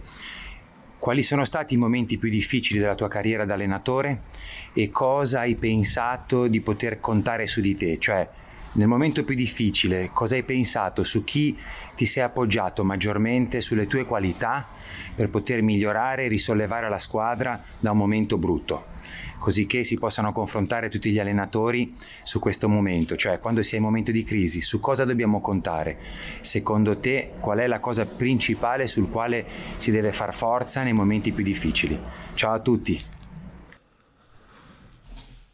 Moj veliki prijatelj, Simona Rigaca, s kim sam sarađivao i dok sam bio ovaj, primorac prije deset, više godina, deset godina, prošle 13-14 godina. Kondicioni trener. Kondicioni trener, on je bio moj kondicioni trener dok sam igrao u Boljasku. U Boljasku. mhm. Tu smo nekako napravili tu kopču, postali smo prijatelji, on je bio tada mladi trener, ja stari igrač, znači sa 36-7 godina on je doveo mene da budem u stanju da igram tri četvrtine. Što je za centra jako puno.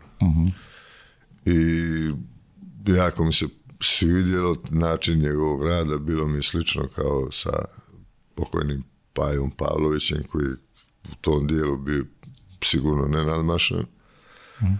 I svidio mi se njegov način rada, ali međutim on je kao mladi trener imao problema da, da, da, da, sa igračima, naravno da, da, da uspostavi svoj način rada. Ja sam ga s, moje strane podržavao, tako da je taj neko prijateljstvo nastalo.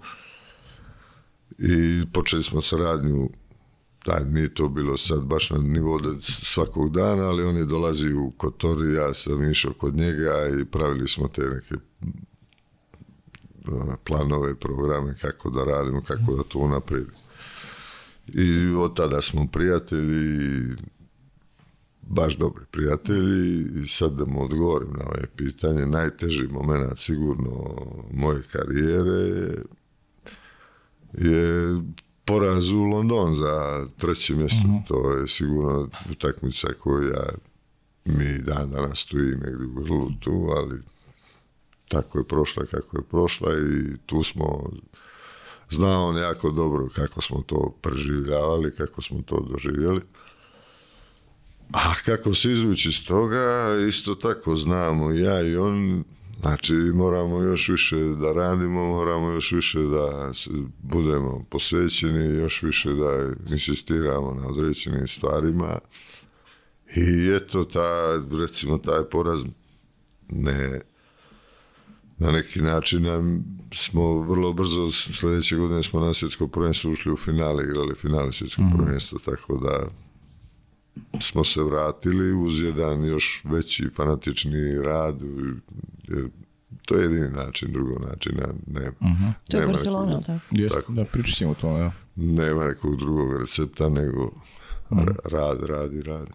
A kaži mi, ili imaš objašnjenje za, za, taj, za taj London? Ili razmišljaš o tome i dan danas?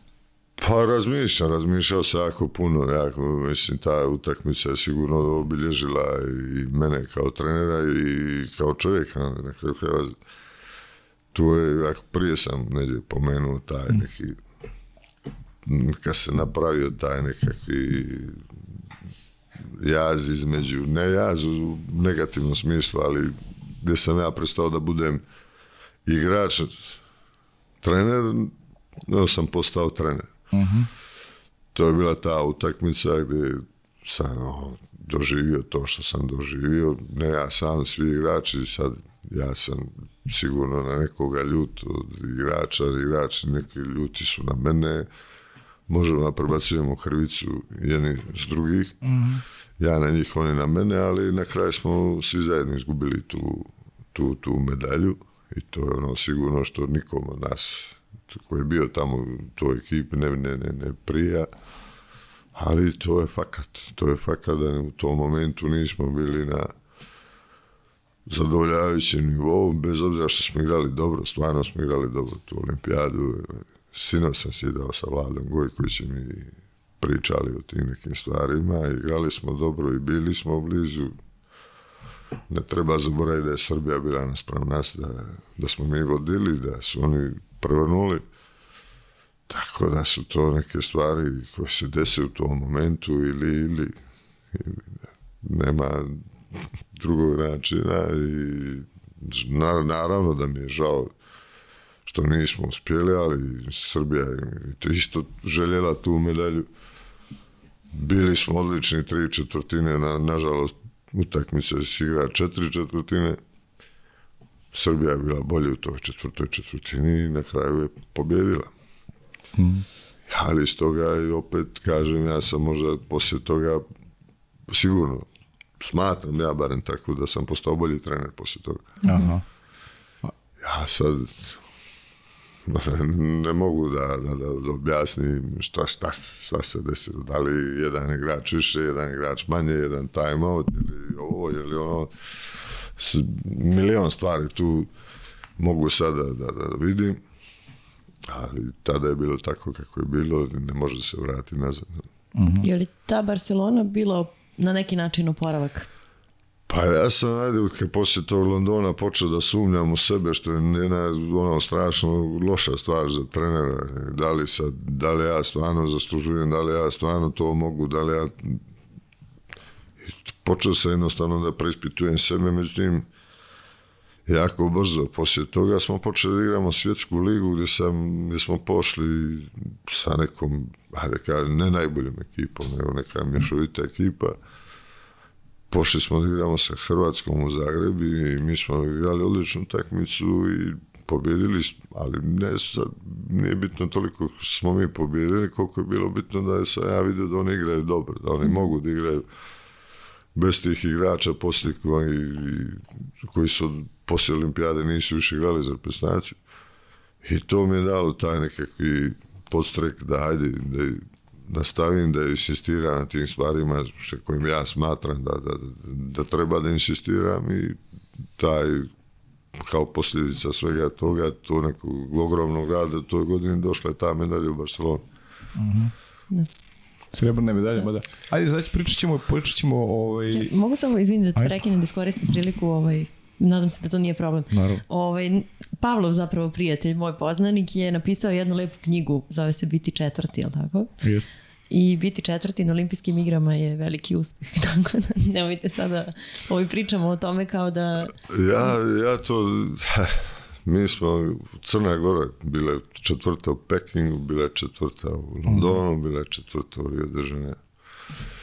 Tako da, ne znam, staje nam taj žal, sigurno što nismo uzeli tu medalju, a sad četvrti na, na, na, svijetu, na olimpijskim igrama, kad se to svede na državu koja ima 600.000 stanovnika, koja ima dva kluba, tri kluba, mislim da je uspjeh, ali ha, uspjeh Teško je u tom trenutku objasniti. Teško je objasniti sigurno, ali mislim ta medalja nešto znači svim sportistima i treba znači ta medalja s olimpijade i bilo koja i taj žal sigurno će mi ostati do, do, dok sam živi, tako da četvrto mjesto slabo utjeha.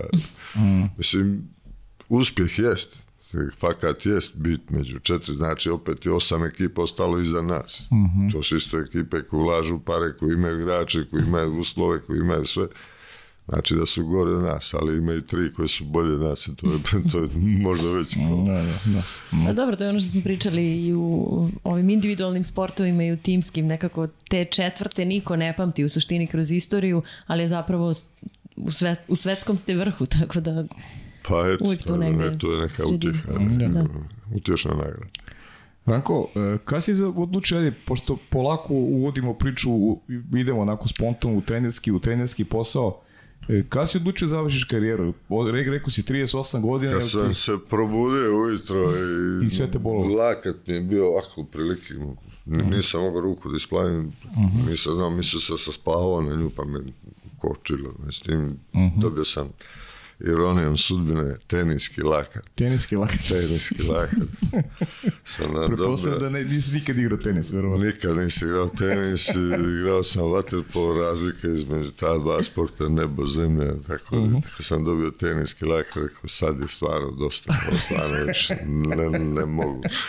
I tu sam ono, prestao da igram i sam bio nesposobljen, znači fizički više nisam mogao da igram. Tako da to je 38. godina, tada sam već trenirao juniore Primorca, Da, da, si završio, da. e, trenirao sam njih i onda je taj prelaz nekakvi bio normalan da po- postanem i trener i vrlo brzo sam dobio šansu igrom slučaje da dobijem šansu da uzmem prvu ekipu i poslije toga je to išlo kako je išlo.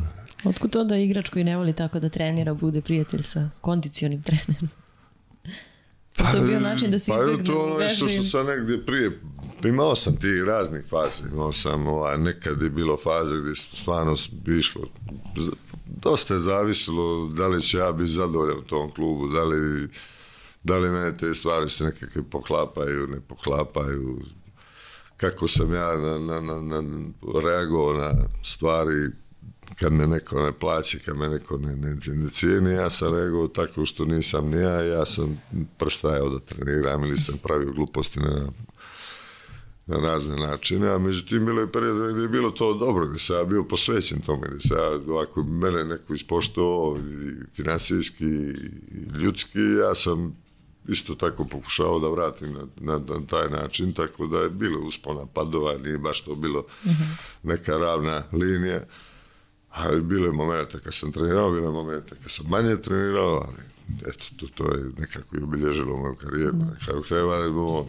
znači, kad sam došao da igram za reprezentaciju kod Nikole Stamenića, ne može mi niko reći da nisam trenirao. Trenirao sam.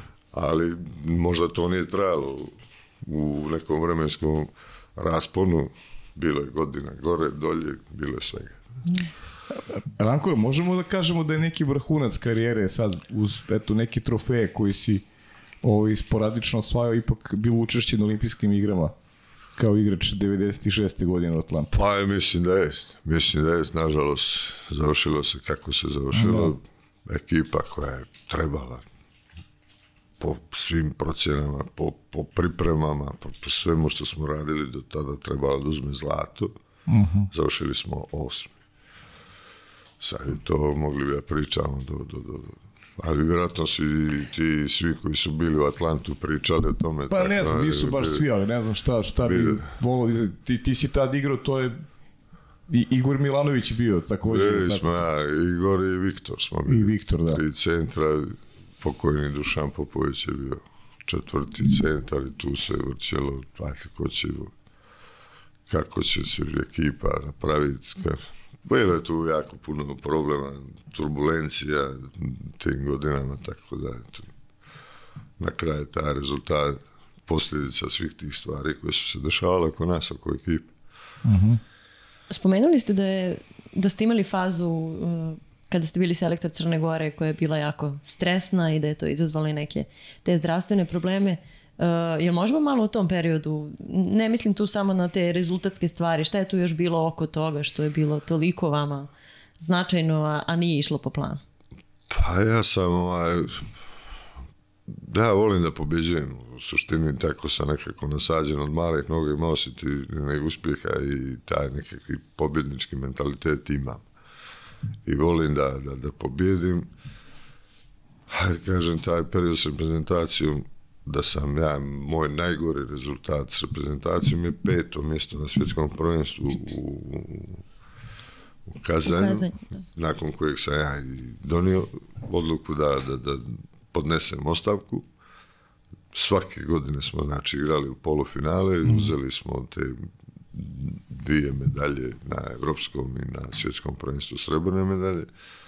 Gubili smo te utakmice za, za, za, za bronzu, ali ogromna su očekivanja, ogromna taj, ja ne prija mi baš e, ta, ta nekakva svjetla reflektora da ja budem stalno a to je nažalost dobar dio tog selektorskog posla gdje se ja i imao i obstrukcije razno razne, nije to baš tako jednostavno, ja sam tu, ali svaki dan je borba na, na, na milion frontova, jer niko nije kriv, na kraju sve je super, promijeni se trener i sve je fantastično. Ovo drugo kao da samo trener tu, kao da niko drugi ne postoji. To, eto, to, to su ti neke stvari, ali to je normalno za, za ovaj naš poziv to sam znao kad sam učio, hvala Bogu, nije samo vatrpo, to je svakom sportu ono najlakše lakše promijeni trenera koji je jedan nego 13 igrača ili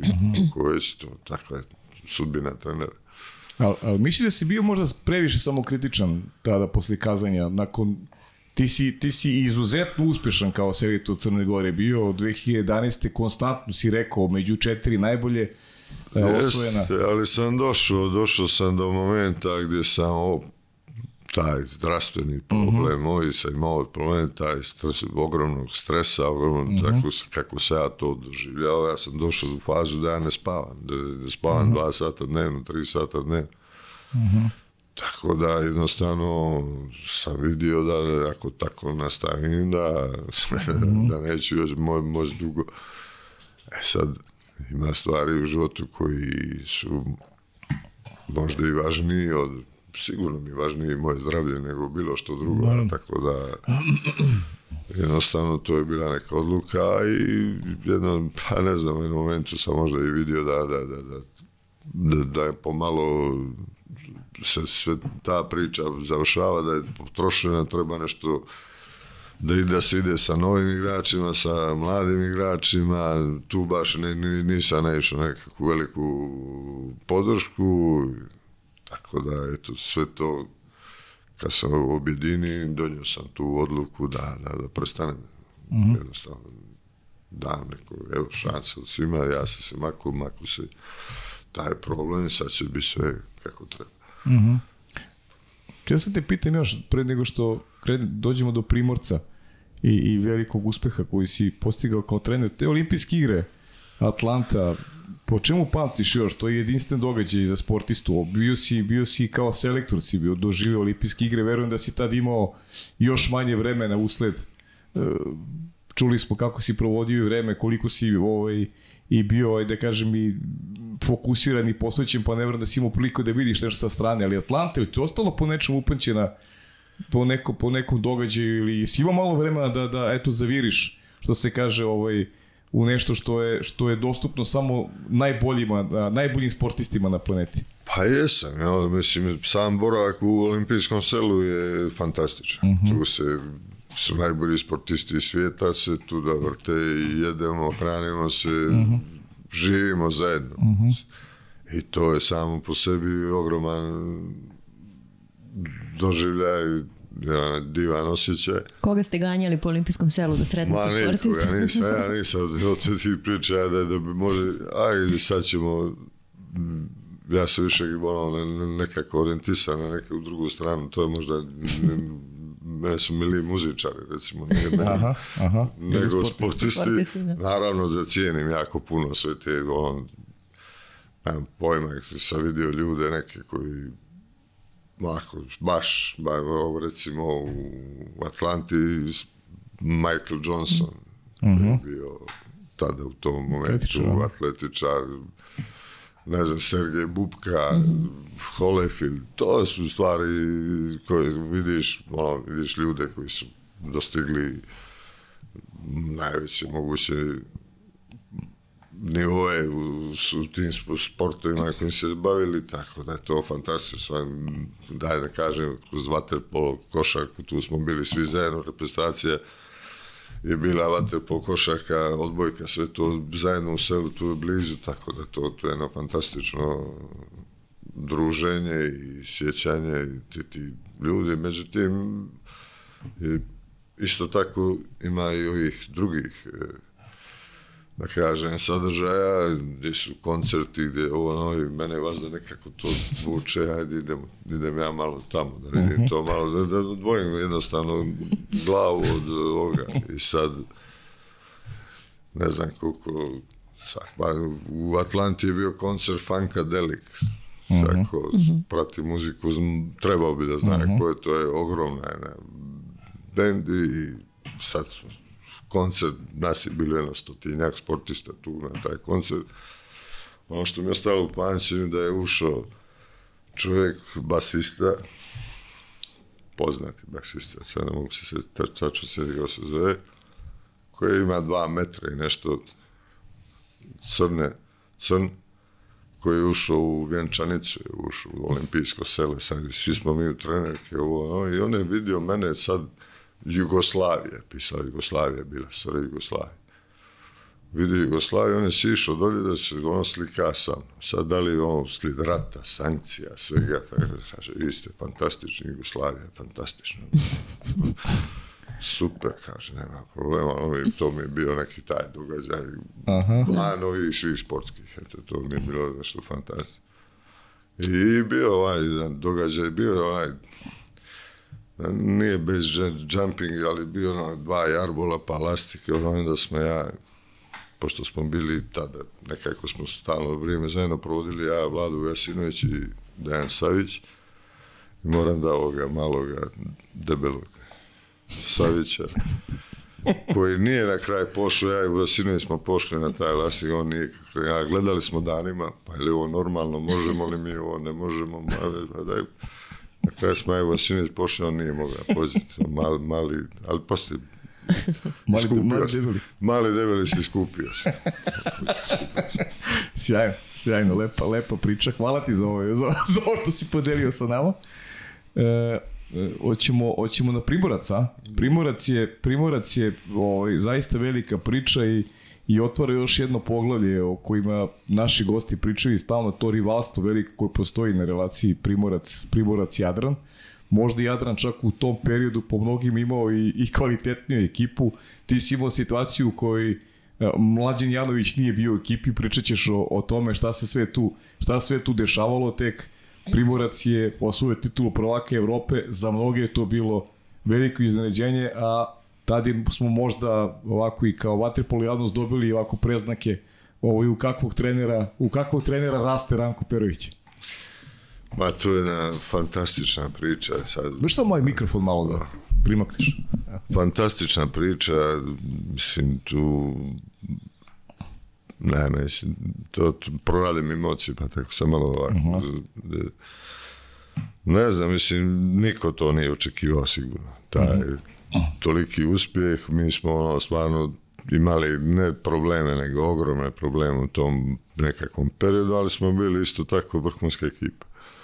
E sad, znači ekipa koja osam mjeseci u tom momentu nije dobijala platu, nismo ni znali da, da li ćemo je dobiti, nećemo je dobiti, kad će to biti, ništa od toga nismo znali, ali ekipa koja je zaglavila tu gdje je zaglavila i gdje smo kroz te treninge, kroz razgovore, kroz milijardu problema koje smo zajedno prolazili, došli do nekog tog konsenzusa da, da, da pokušamo da to iznesemo na najbolji mogući način i da jednostavno da natjeramo ljude da, da to cijene, da to ispoštuju taj nekakvi prvobitan dogovor.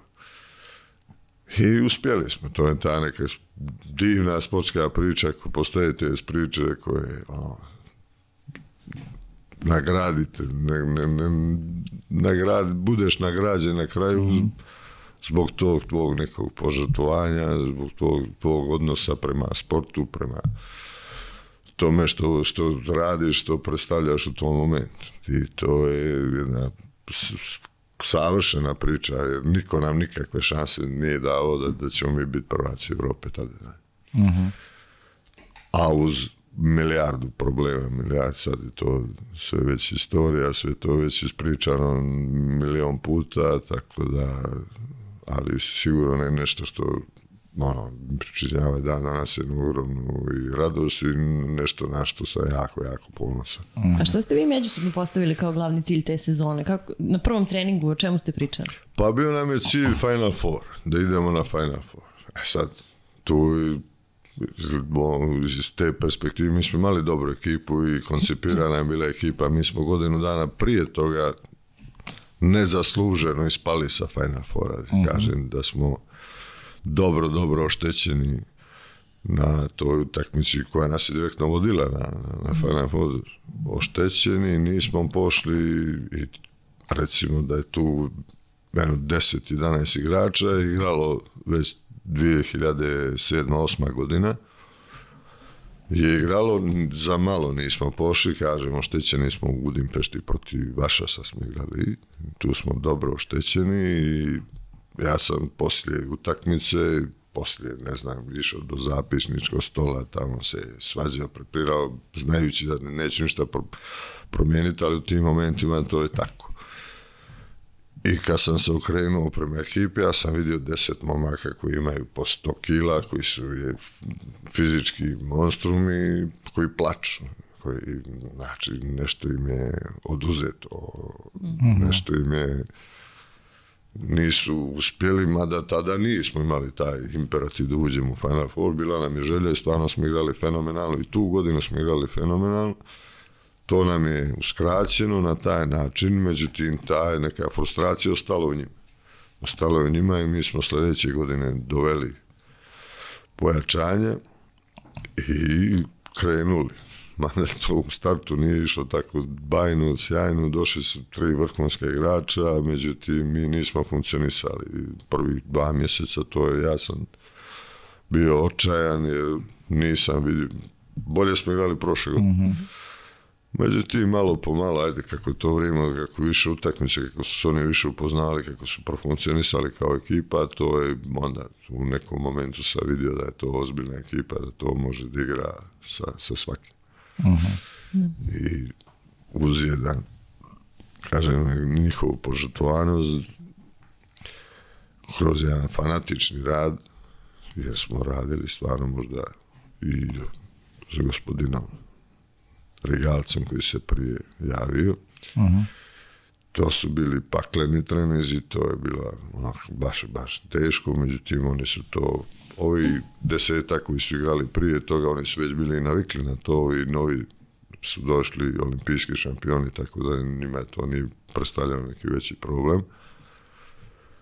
I jednostavno smo ono, bili sve više više samouvjereni i sve više više smo vjerovali da, da, da možemo da uđemo na Final Four, to smo na kraju napravili. A onda kad smo pošli na, na, na Final Four,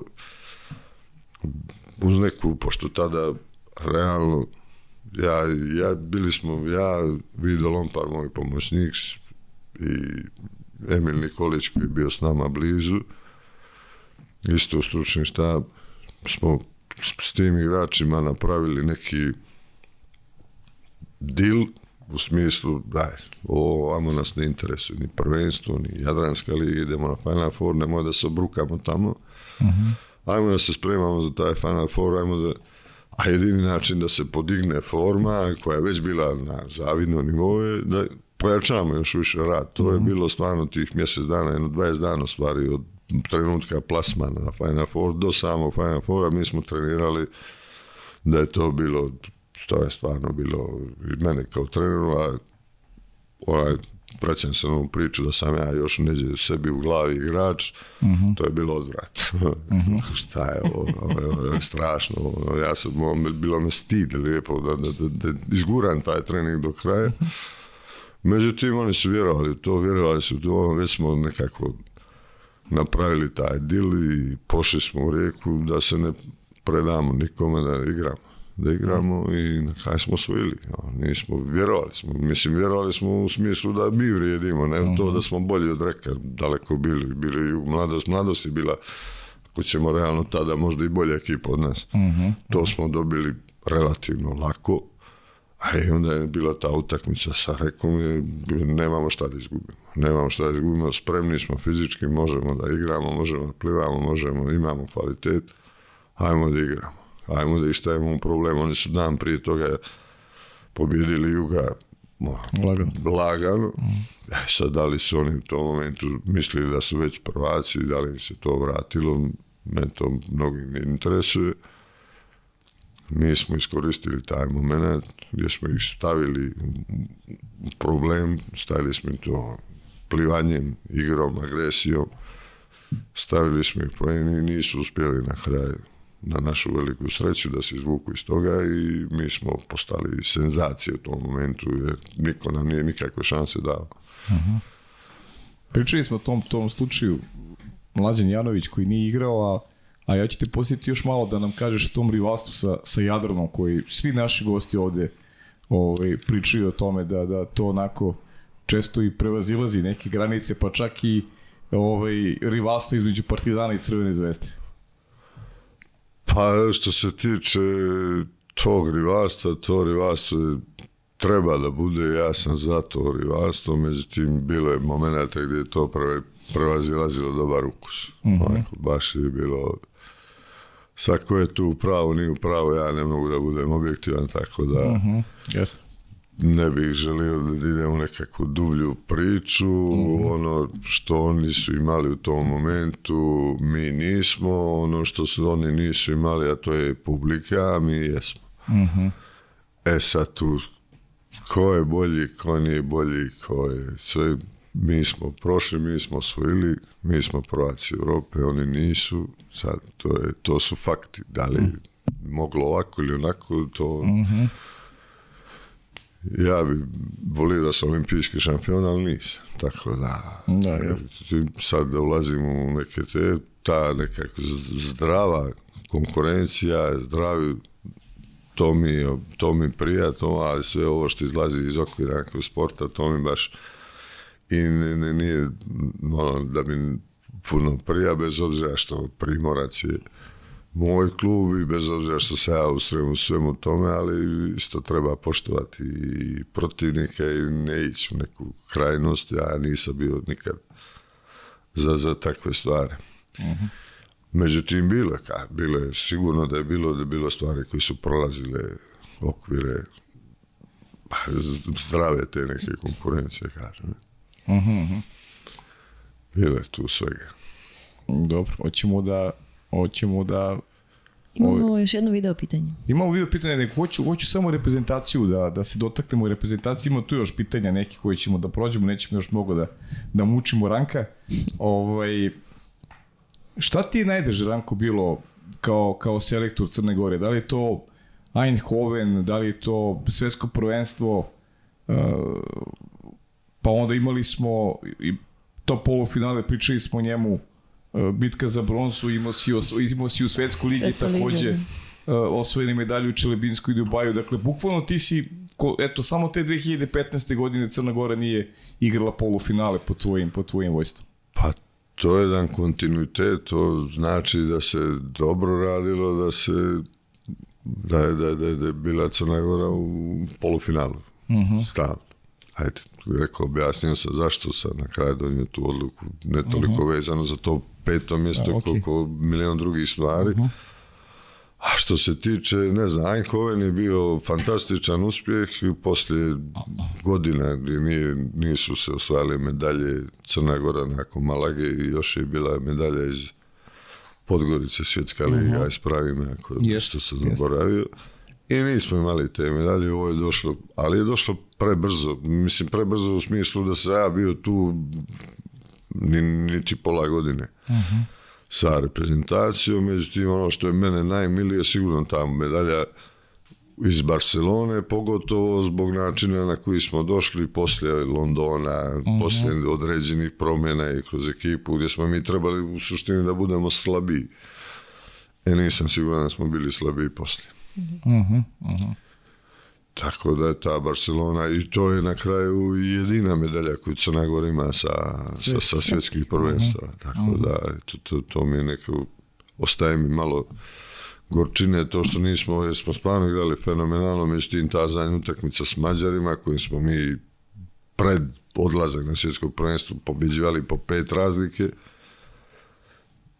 taj dan nismo odigrali dobro, koliko smo igrali do polufinale, fantastičnu utakmicu, toliko smo odigrali loše ta, to finale jednostavno krenulo je neki kontraritmom i nismo se uspjeli iščupati. Stoga izgubili smo jedan razlike, čak smo i tu bili utakmici, ali mučeći se igrajući loše, to da je bila se zlatna, bilo je fantastično, ali i ovako je, mislim, veliki uspjeh. A mogle su budu i zlatne, ja se, ja se sjećam Eindhovena, Eindhoven je protiv Srbije finale jedan razlik. 8-8, znam da je Vanja dao gol, nešto u finišu utakmice posljednji za 9-8. Jest, jest, jest, to je uvijek tako bilo, uvijek se te utakmice, pogotovo ja, na, na moju veliku žalost, sve te neke od- odlučujuće utakmice ili sam igrao protiv Hrvatske ili protiv Srbije. E sad, možda iz naše neke perspektive dolje, o, mi smo najpametniji, najljepši, najbolji smo, ali susrećemo se sa dvije super nacije vaterpolske priče. I sad, ajde, igramo s njima, sad, taj, to je sve u razlike, znači, a Srbija ili Hrvatska pobjeđuje po pet razlike ozbiljne reprezentacije, ono mi igramo na go Da. Igra ne, negdje jedna lopta pođe vamo, negdje ovako i uglavnom taj pričamo o tome da je to bio taj neki top level, da smo mi bili jako blizu toga bili na njemu, ne znam, sljedeće godine Barcelona gdje smo mi Srbi izbacili u četvrtfinale, znači ta jedna lopta je prešla na našu stranu. Tako da, eto, to priča o kvalitetu nekom koji smo imali i gdje smo bili i koje su pozicije tada bile. Sve to moglo da bude i ovako i onako, ali tako je kako je. Ja, ajmo se pomiriti s tim. Da, da, da, da, pričamo priče sa. Hoćemo da čujemo i ovo četvrto pitanje. Jedva čekam, znam ko je već rekao da... da Pozdrav svima koji gledaju podcast. Pavle, veliki pozdrav tebi, veliki pozdrav tvom gostu. Imam za njega dva pitanja. E, prvo je, mislim da je on jedina osoba u stogodišnjoj istoriji Primorca koji je bio državni prvak i kao igrač i kao trener. Pa me zanima da li mu je draža ona igračka titula iz 86 ili ona trenerska prva iz 2000, 2007. i zašto mu je jedna od te dvije draža. A drugo pitanje, ko bude htio da ispriča, ja sam tu priču čuo, ali opet ću sa zadovoljstvom je saslušati kako je kada je bio igrač, kada je došao na početak nekih priprema, mislim reprezentaciji, kad su mu saopštili kakav će biti plan priprema i svega kako je on tražio e, povratnu kartu za Kotor. Veliki pozdrav svima i gledamo se. Pozdrav!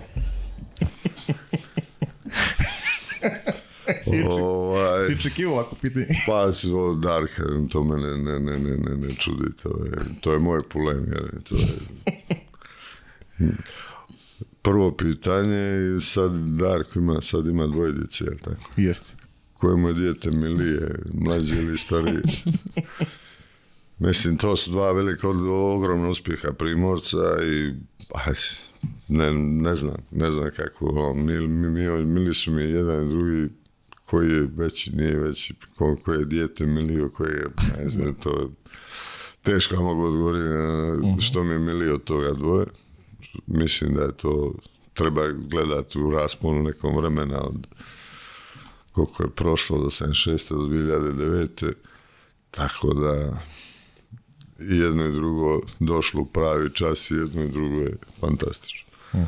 Što se tiče ovoga drugog pitanja koje njega više interesuje. Ovo prvo je bilo ovako malo da... Ovo je bilo malo da, da da me ovaj, blaže. Da Drugo pitanje, ja sam imao 16 godina, 16 godina, ja mislim bio sam na neke pripreme, A reprezentacije, omladinske, sve to nešto zajedno bilo u Novi Sad, smo bili Ratko Rudić je bio tada selektor i trenirali smo zajedno i treniralo se, to je to Darko ne bi nikad mogao da, Da izdrži. da istrenira. Tu se plivalo, tu se teretana, tu se to, ali ja jednostavno nisam bio naviknut na, na, na tu vrstu rada, toliko rada. A iskreno da budem, bilo je ljeto, imao sam 16 godina i kotor je ljeto, kupaju se, plaža, sve to i jednostavno poslije dva, tri dana gdje se ja trenirao, a znajući da ne mogu, nema šanse da ja sad pođem na olimpijadu 84. godine, Da. ja sam poslije tri dana rekao, Ratko, ja bi da se vratim kući, ovo nije za mene, ovo je previše, ja idem da se... I to je tako bilo, tada je to bilo spektakl, to nije niko tada radio, što ne, da ga zovu u reprezentaciju, pogotovo tako mladog igrača, to je bilo, no, ali ja, no, mislim, jednostavno nisam mogao to da radim, bio sam, mislim da sam u životu do iskren da radim ono što, i da stojim iza tih svojih nekih odluka, bez obzira što sa 16 godina nisam bio baš Einstein. Iz ove perspektive danas vjerojatno to ne bi uradio, ali tada mi je to izgledalo najbolja, najsrećnija, najpametnija ideja na svijetu i to sam uradio. Šta vam je rekao Ratko Rudić? Koji je bio prvi odgovor? Pa pitao je zašto, kako, ono, mislim, na kraju, šta, šta da radi čovjek, ja, ono, kako kak, neko klipano 16 godina neće, šta, šta, sada mi on moli, mene i vamo ima, ne znam, monstrum od igrača da moli mene da ja budem tu, ja, on pokuša da, da me uvjeri drugačije, da ostanem, da radim, ono, međutim, ja sam tada bio najpametniji i, on tako se odlučio i povratna karta za Kotore. E, šta već, bio 88. možda bio u, u ekipi da si... 88. je druga priča i 88. ja sam uh, decembar 87. pošao u vojsku. I 88. godine, ja sam 88. godinu cijelu proveo u vojsci. Interesantna priča je što je član uh, pokojni Perica Brajković, koji je bio član stručnog savjeta Vaterpolo Saveza Jugoslavije, SFRJ Jugoslavije, znači pričamo o tada 87. 8. godini, me ubjeđivao, koji je inače bio moj komšija, me ubjeđivao da da ima informacije, da, da, da, tako, tako i tako, da nemoj da ideš u vojsku, ićeš na olimpijadu, planiram si da ideš na olimpijadu, Međutim, poslije svih ovih mojih bisera, ja sam bio siguran da ono, niko ne računa na mene, pogotovo ne Ratko, koji smatram takav i takav trener, na kraju krajeva on je to osvojio, pokazao da je on bio upravo, nisam ja bio upravo. I ovaj, ja nisam vjerovao tu priču. Nisam vjerovao, bez obzira što mi taj čovjek jako drag bio i komšija i sve i ubjeđivao me i nemoj, nemoj, nemoj, napravit ćeš grešku. Ja sam normalno, kao i u prije, on, donio, bio sam strašno pametan u to tada. I ovaj, odlučio sam da pođem u vojsku, da to odradim, pa da poslije mogu da budem, no, tada se moralo ići u vojsku, jel? I to, ta, ta neka priča me prat- pratila, jesam li trebao, nisam li trebao, ono, i sad, ne znam, skoro, ne znam, prošlo je vremena dosta od toga i pitao sam Ratka da je to tačno. Rekao, ja sam već trener, nisam više ni igrač, nema veze, to prošlo je, možda se ja tada ljutio na ovoga, na onoga, međutim, sticajem okolnosti, radim taj posao, sad mnogo bolje shvatam ko- koja se ja problematika bio. I rekao mi da jest, da je to, da je planirao tako, ali Vojska. moja glava pametna je tada odlučila da bude vojnik. Eto, mogu, si- mogu s tim imaš olimpijsko zlato. A mogo sam, da sam mogao, imao bi ga, ne, nisam mogao, tada mi je bilo nešto... Ali čekajte, šta je teže, trening Ratka Rudića ili vojska? Vojska je jedno, godinu dana izgubljenog vremena, tako da, Da. jedno, ne znam, to ne ponovilo se, ne mene nego nikome, ali ovaj, Imaš preko puta jednog koji isto ako razmišlja, prošao isto koji ti. Mislim da, pa ne znam, što u najboljim godinama idem u vojsku. Ne, ne, bolje mi pričam tim glupostima. Uglavnom, ovaj dio mi je normalno sad iz ove perspektive jako žao što tada, mada sam tada sa stvarno igrao vrhunski vaterpolo sam igrao, bio sam stvarno dobar. I da sam poslušao i vjerojatno bi potpuno druga priča, bila druga karijera. Mada je bio jedan dio isto, mm, jedan moment moje karijere koji volio onako da koji nekako i hajde, poveo karijeru moju u tom pravcu kako je pošla te 88. 9. ne mogu se sad baš tačno sjetiti koja je godina bila. Ja sam trebao da pređem iz Primorca u Jadran iz Splita koji je tada u to vrijeme bio kao danas Proreko ili ne znam Novi Beograd ili tako nešto. I to se nije ostvarilo bez obzira na veliku želju Jadrana i Splita i nekakvi dogovor koji je bio sa predsjednikom Primorca, poslije je to došlo na, ne znam, komitete, što je već bilo u to vrijeme. Ovamo, ono, došlo je do odluke da ja ne smijem da idem iz Primorca, jer će Primorac da ispadne iz lige i ne znam, ja se te priče i ja nisam tada prešao u jedan Splitski koji je postao prvak Europe, nego sam ostao u, u Primorcu. Da sam tada u tom momentu pošao možda tada, možda bi potpuno to druga neka priča bio, jer sam već u međuvremenu sam malo i sazreo, malo sam po- počeo da razmišljam drugačije, ovo me ovamo opet na neki način vratilo nazad, tako eto, to je, tako je tako je bilo, tako mi je zacrtano bilo i eto što ćemo, ne žalim, stvarno ne žalim, ne, za, za, za ničim ne žalim. A jesi imao još neke ponude osim Jadrana? I, Pa to je bilo tada, to je bila top ponuda. Da, to, da. to je bilo, pa pričam, ja sam tada bio mladi igrač, tada se nije baš moglo ići u inostranstvo, Tako je, da. bilo je ograničenja, bilo je... a tih- mladost Partizan, nisu se oni javili?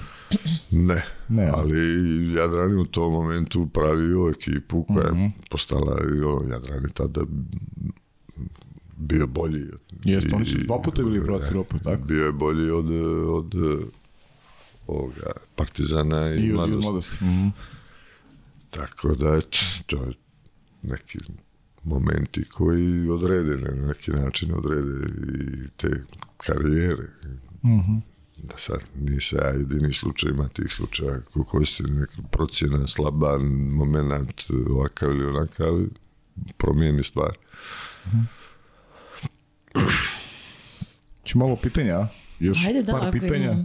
Pa ima, Ako, ima. ako već nismo prošli Pa kroz razgovor prošli smo, sada. prošli smo svašta, ali ajde da vidim samo da, da, samo da vidim, dobio sam neko pitanje, samo da vidim, to me baš zanima, da, da ovo je, dobar dan, veliki pozdrav za Ranka, s obzirom da je kao mlad zaigrao u prvom timu Primorca, da li mu je to pomoglo da u nastavku bude bolji i zašto, e, ovde, evo neko pita da li imaju dovoljno minutažu igrači od 16, 17, 18 godina sad u Primorcu i kaže još jedno pitanje da li tim ima nekog mlađeg igrača na kojeg može da računa i koji već sada igra. Očigledno neko je onako prati sit- stanje situaciju u Primorcu. Pa ja, ja bi podsjetio da ja jako volim mlad, mlade igrače i da ja nisam nikad imao problem da dajem prostor mladom igraču koji zasluži to.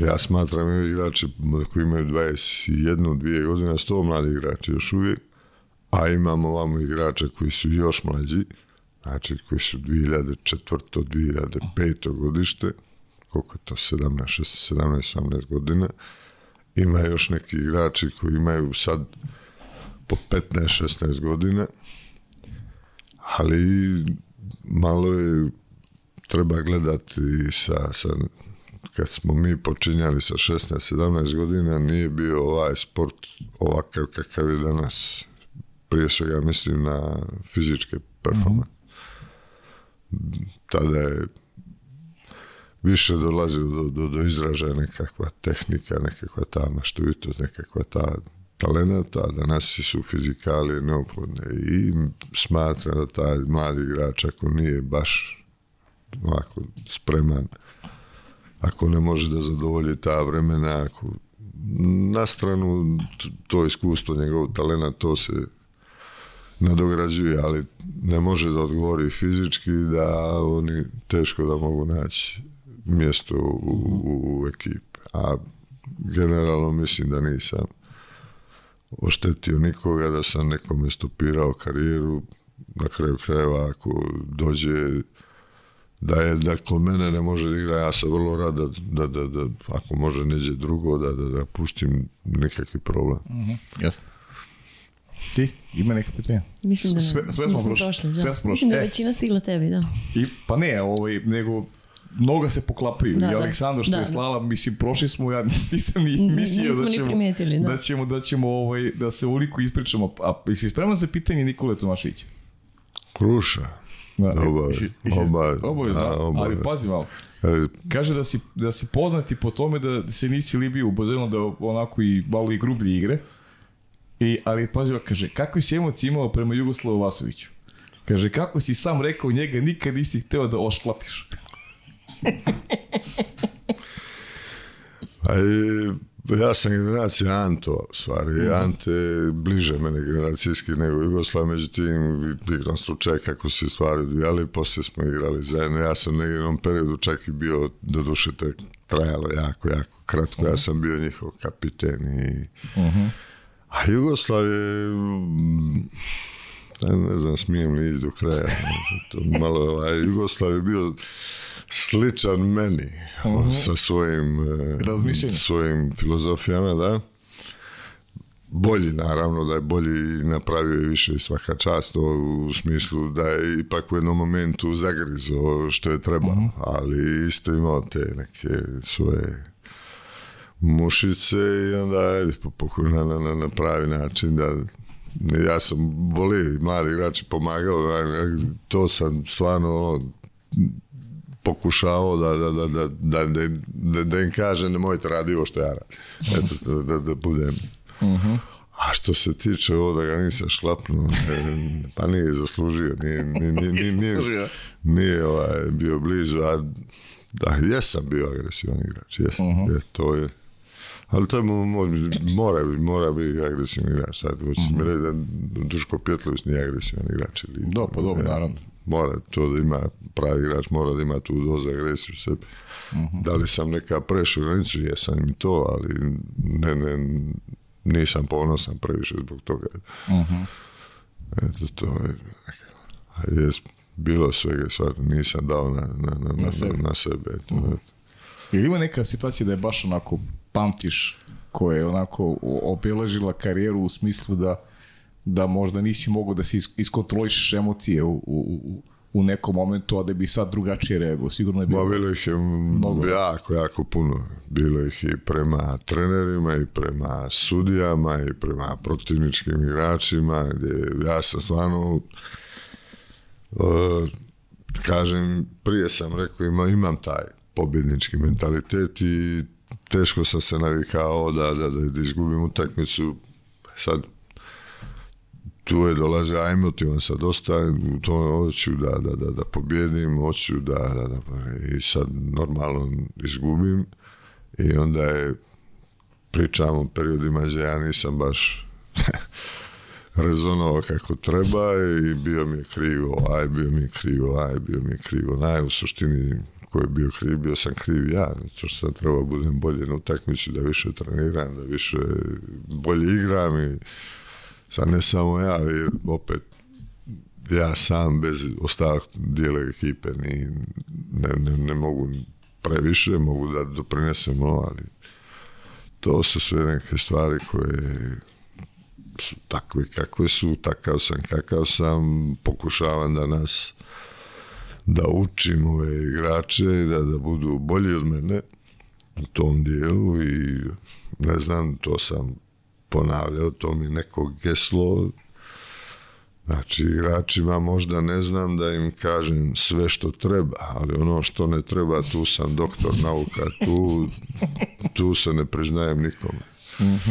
Tu se ne priznajem nikome, a tako da, eto, jednostavno kad vidi neko da traći svoj talent, to me ovako dosta Vratite u mladost. vratim unazad i pokušavam, borim se koliko mogu, grabem da, da, da to iskorijenim kod tog igrača dok se još to može iskorijeniti da bi on bio bolji od mene. Da bi bio bolji igrač od mene. To je, to je nekakva moja misija. Nije to lako. Ima, ima ih kao ja, ima ih ko hoće. Većina su tako. Ranko, slušaj, e, mi ovako možemo do sutra ujutro pričamo. Definitivno. Ja, ja stvarno uživao sam, ne znam ni kako je prošlo ovo vreme. E, za ovo gostovanje ostavit ćemo još na kraju samo da kažeš koji u porodici, jer to nam je neka, neka praksa, ali moraš da nam obećaš nešto. Da ćeš doći ponovo, da pričamo malo o, ne znam, o trendu waterpolo, o nekim e, pravilima, igri, samoj. Ima tu još mnogo tema koje se ja negde u svojoj glavi zamislio da ćemo proći, ali prosto mi je drago što nismo to radili danas. Najiskrenije, jer ovo je bila i bile, trebala bude priča o tebi i priča o Primorcu i stvarno mi je fenomenalna. Baš sam neko zadovoljan kako je, kako je emisija, emisija, ali ajde u porodici i o, moraš da nam obećaš da ćeš doći ponovo. Ma nema problema, rado ću doći kad god mogu, kad sam u Beogradu. A što se tiče porodice, supruga Snežana, prosvjeti radnik, čerka Jovana, magistar cyber security, ne znam, ne, ne znam o čemu se radi, da, živi i radi u Italiji, sin je isto sad diplomirao, Đorđe, diplomirao na prirodno-matematički fakultet, treba i onda ide na masters, opet je priča o IT, ništa ne razumije. Tako, jako sam zadovoljan i ponosan na, na, na, na, na što se tiče i moje djece i, i supruge i na moju porodicu. Ja ne znam, je to to bilo, je to Da. taj odgovor bio? Jeste, ili rekao to- si, rekao si jednom, a ja sam to zapamtio, rekao si da, te, da su te stvari, to porodica, supruga, očigledno da je, da je ovaj, tu napravljeni neki, da kažem, neki pomak kada pomak. Pa, Promjena se dogodila u tvojoj glavi. Ja sam se jako rano oženio, 24 godine, dobio sam čerku jako rano i to je bila neka, Prekretnica. pa recimo da sam morao konačno da počnem da budem malo pametniji, da tako kaže, da neke stvari mijenjam. I to je sigurno te porodica koja je uvijek bila uz mene, pogotovo supruga koja je bila uz mene, koja je trpjela sva ta moja sve te moje gluposti, sve te stvari koje se ja radi, koja je, koja je bila oslonac da bi ja danas eto došao do ovoga do čega sam došao. Eto. I to je, ona je bila ta, aj, pametnija od mene, da budem iskren. do kraja. Ništa, hvala i sa moje strane. Ja sam uživala u razgovoru i drago mi je da, da ovako završavamo tim lepim rečima za vašu suprugu. koliko, je, koliko je bitno ovaj, da, da ona bude stub u svemu, u svemu tome. Pa jeste, ja bih lagao kad bih ne, ne, nešto drugo u pitanju. Sigurno staloženija, pametnija, razloženija, razloženija osoba od mene. Ja i dalje imam ti neke dječačke ovaj, izlive. Nadam se da stvarno da ćemo se ponovo družiti, da ćemo pričati o ovim nekim težim vaterpolo temama i o problemima koji muče evropski da, vaterpolo. Ima ih puno. Da. Rako, puno ti hvala. Hvala Stvarno je bilo uživanje i zadovoljstvo. Hvala vam. Hoćeš ti da odjaviš? Ne, ja sam, ja sam ovaj, Navikao si se sada da ne odjavljaš. Pa navikao sam, da, i stvarno sam uživao u emisiji, ovako mi je prošlo. Da. Uh, sledeći put samo malo kasniji termin ako može snimanje. da se probude, ne? Da, da, da. da. da. Ovo, ovaj, pa ništa, da se zahvalimo još jednom ljudima uh, što nas prate, da nastave da nas prate. Na, na Instagramu smo najaktivniji, verovatno ste već i na to navikli. Sve epizode koje ste do sada propustili možete da pogledate na YouTube kanalu podcasta pod kapicom i na Infinity Lighthouse, ovo ćemo i Tako, to da, naravno, da spomenemo. obavezno. Da. Uh, hoćemo da najavimo nešto otprilike Pa šta nas čeka. pa Da, iskoristit ćemo, da, iskoristit ćemo ovaj turnir e, koji se igra u Beogradu, već smo rekli, tako da će naredni naš gost biti direktor Vaterpolo kluba Jug, gospodin Ognjen Kržić e, i ovih dana smo više u studiju i, i na bazenu nego što ćemo biti onako po kancelarijama, što bi rekli ljudi, tako da i nama je ovih dana pravo uživanje, e, ko ima vremena neka svrati na bazen, Tako je, na banjicu da, možemo isprati. da se družimo i tamo. Tako je, odličan turnir, dobre ekipe iz regiona, Da, i Primorac i Jadran su tu, tu je i Jug, da. i uz Partizan Crvenu zvezdu iz Radnički, eto svi predislovi da se gleda dobar vaterpolo. Da, mnogo sreće na turniru, inače nismo, Hvala. to, da, nismo Hvala. to rekli, ali dobro, vidjet ćemo se i, i na bazenu. Hvala još jednom što ste bili sa nama i pratimo se i sledeće nedelje.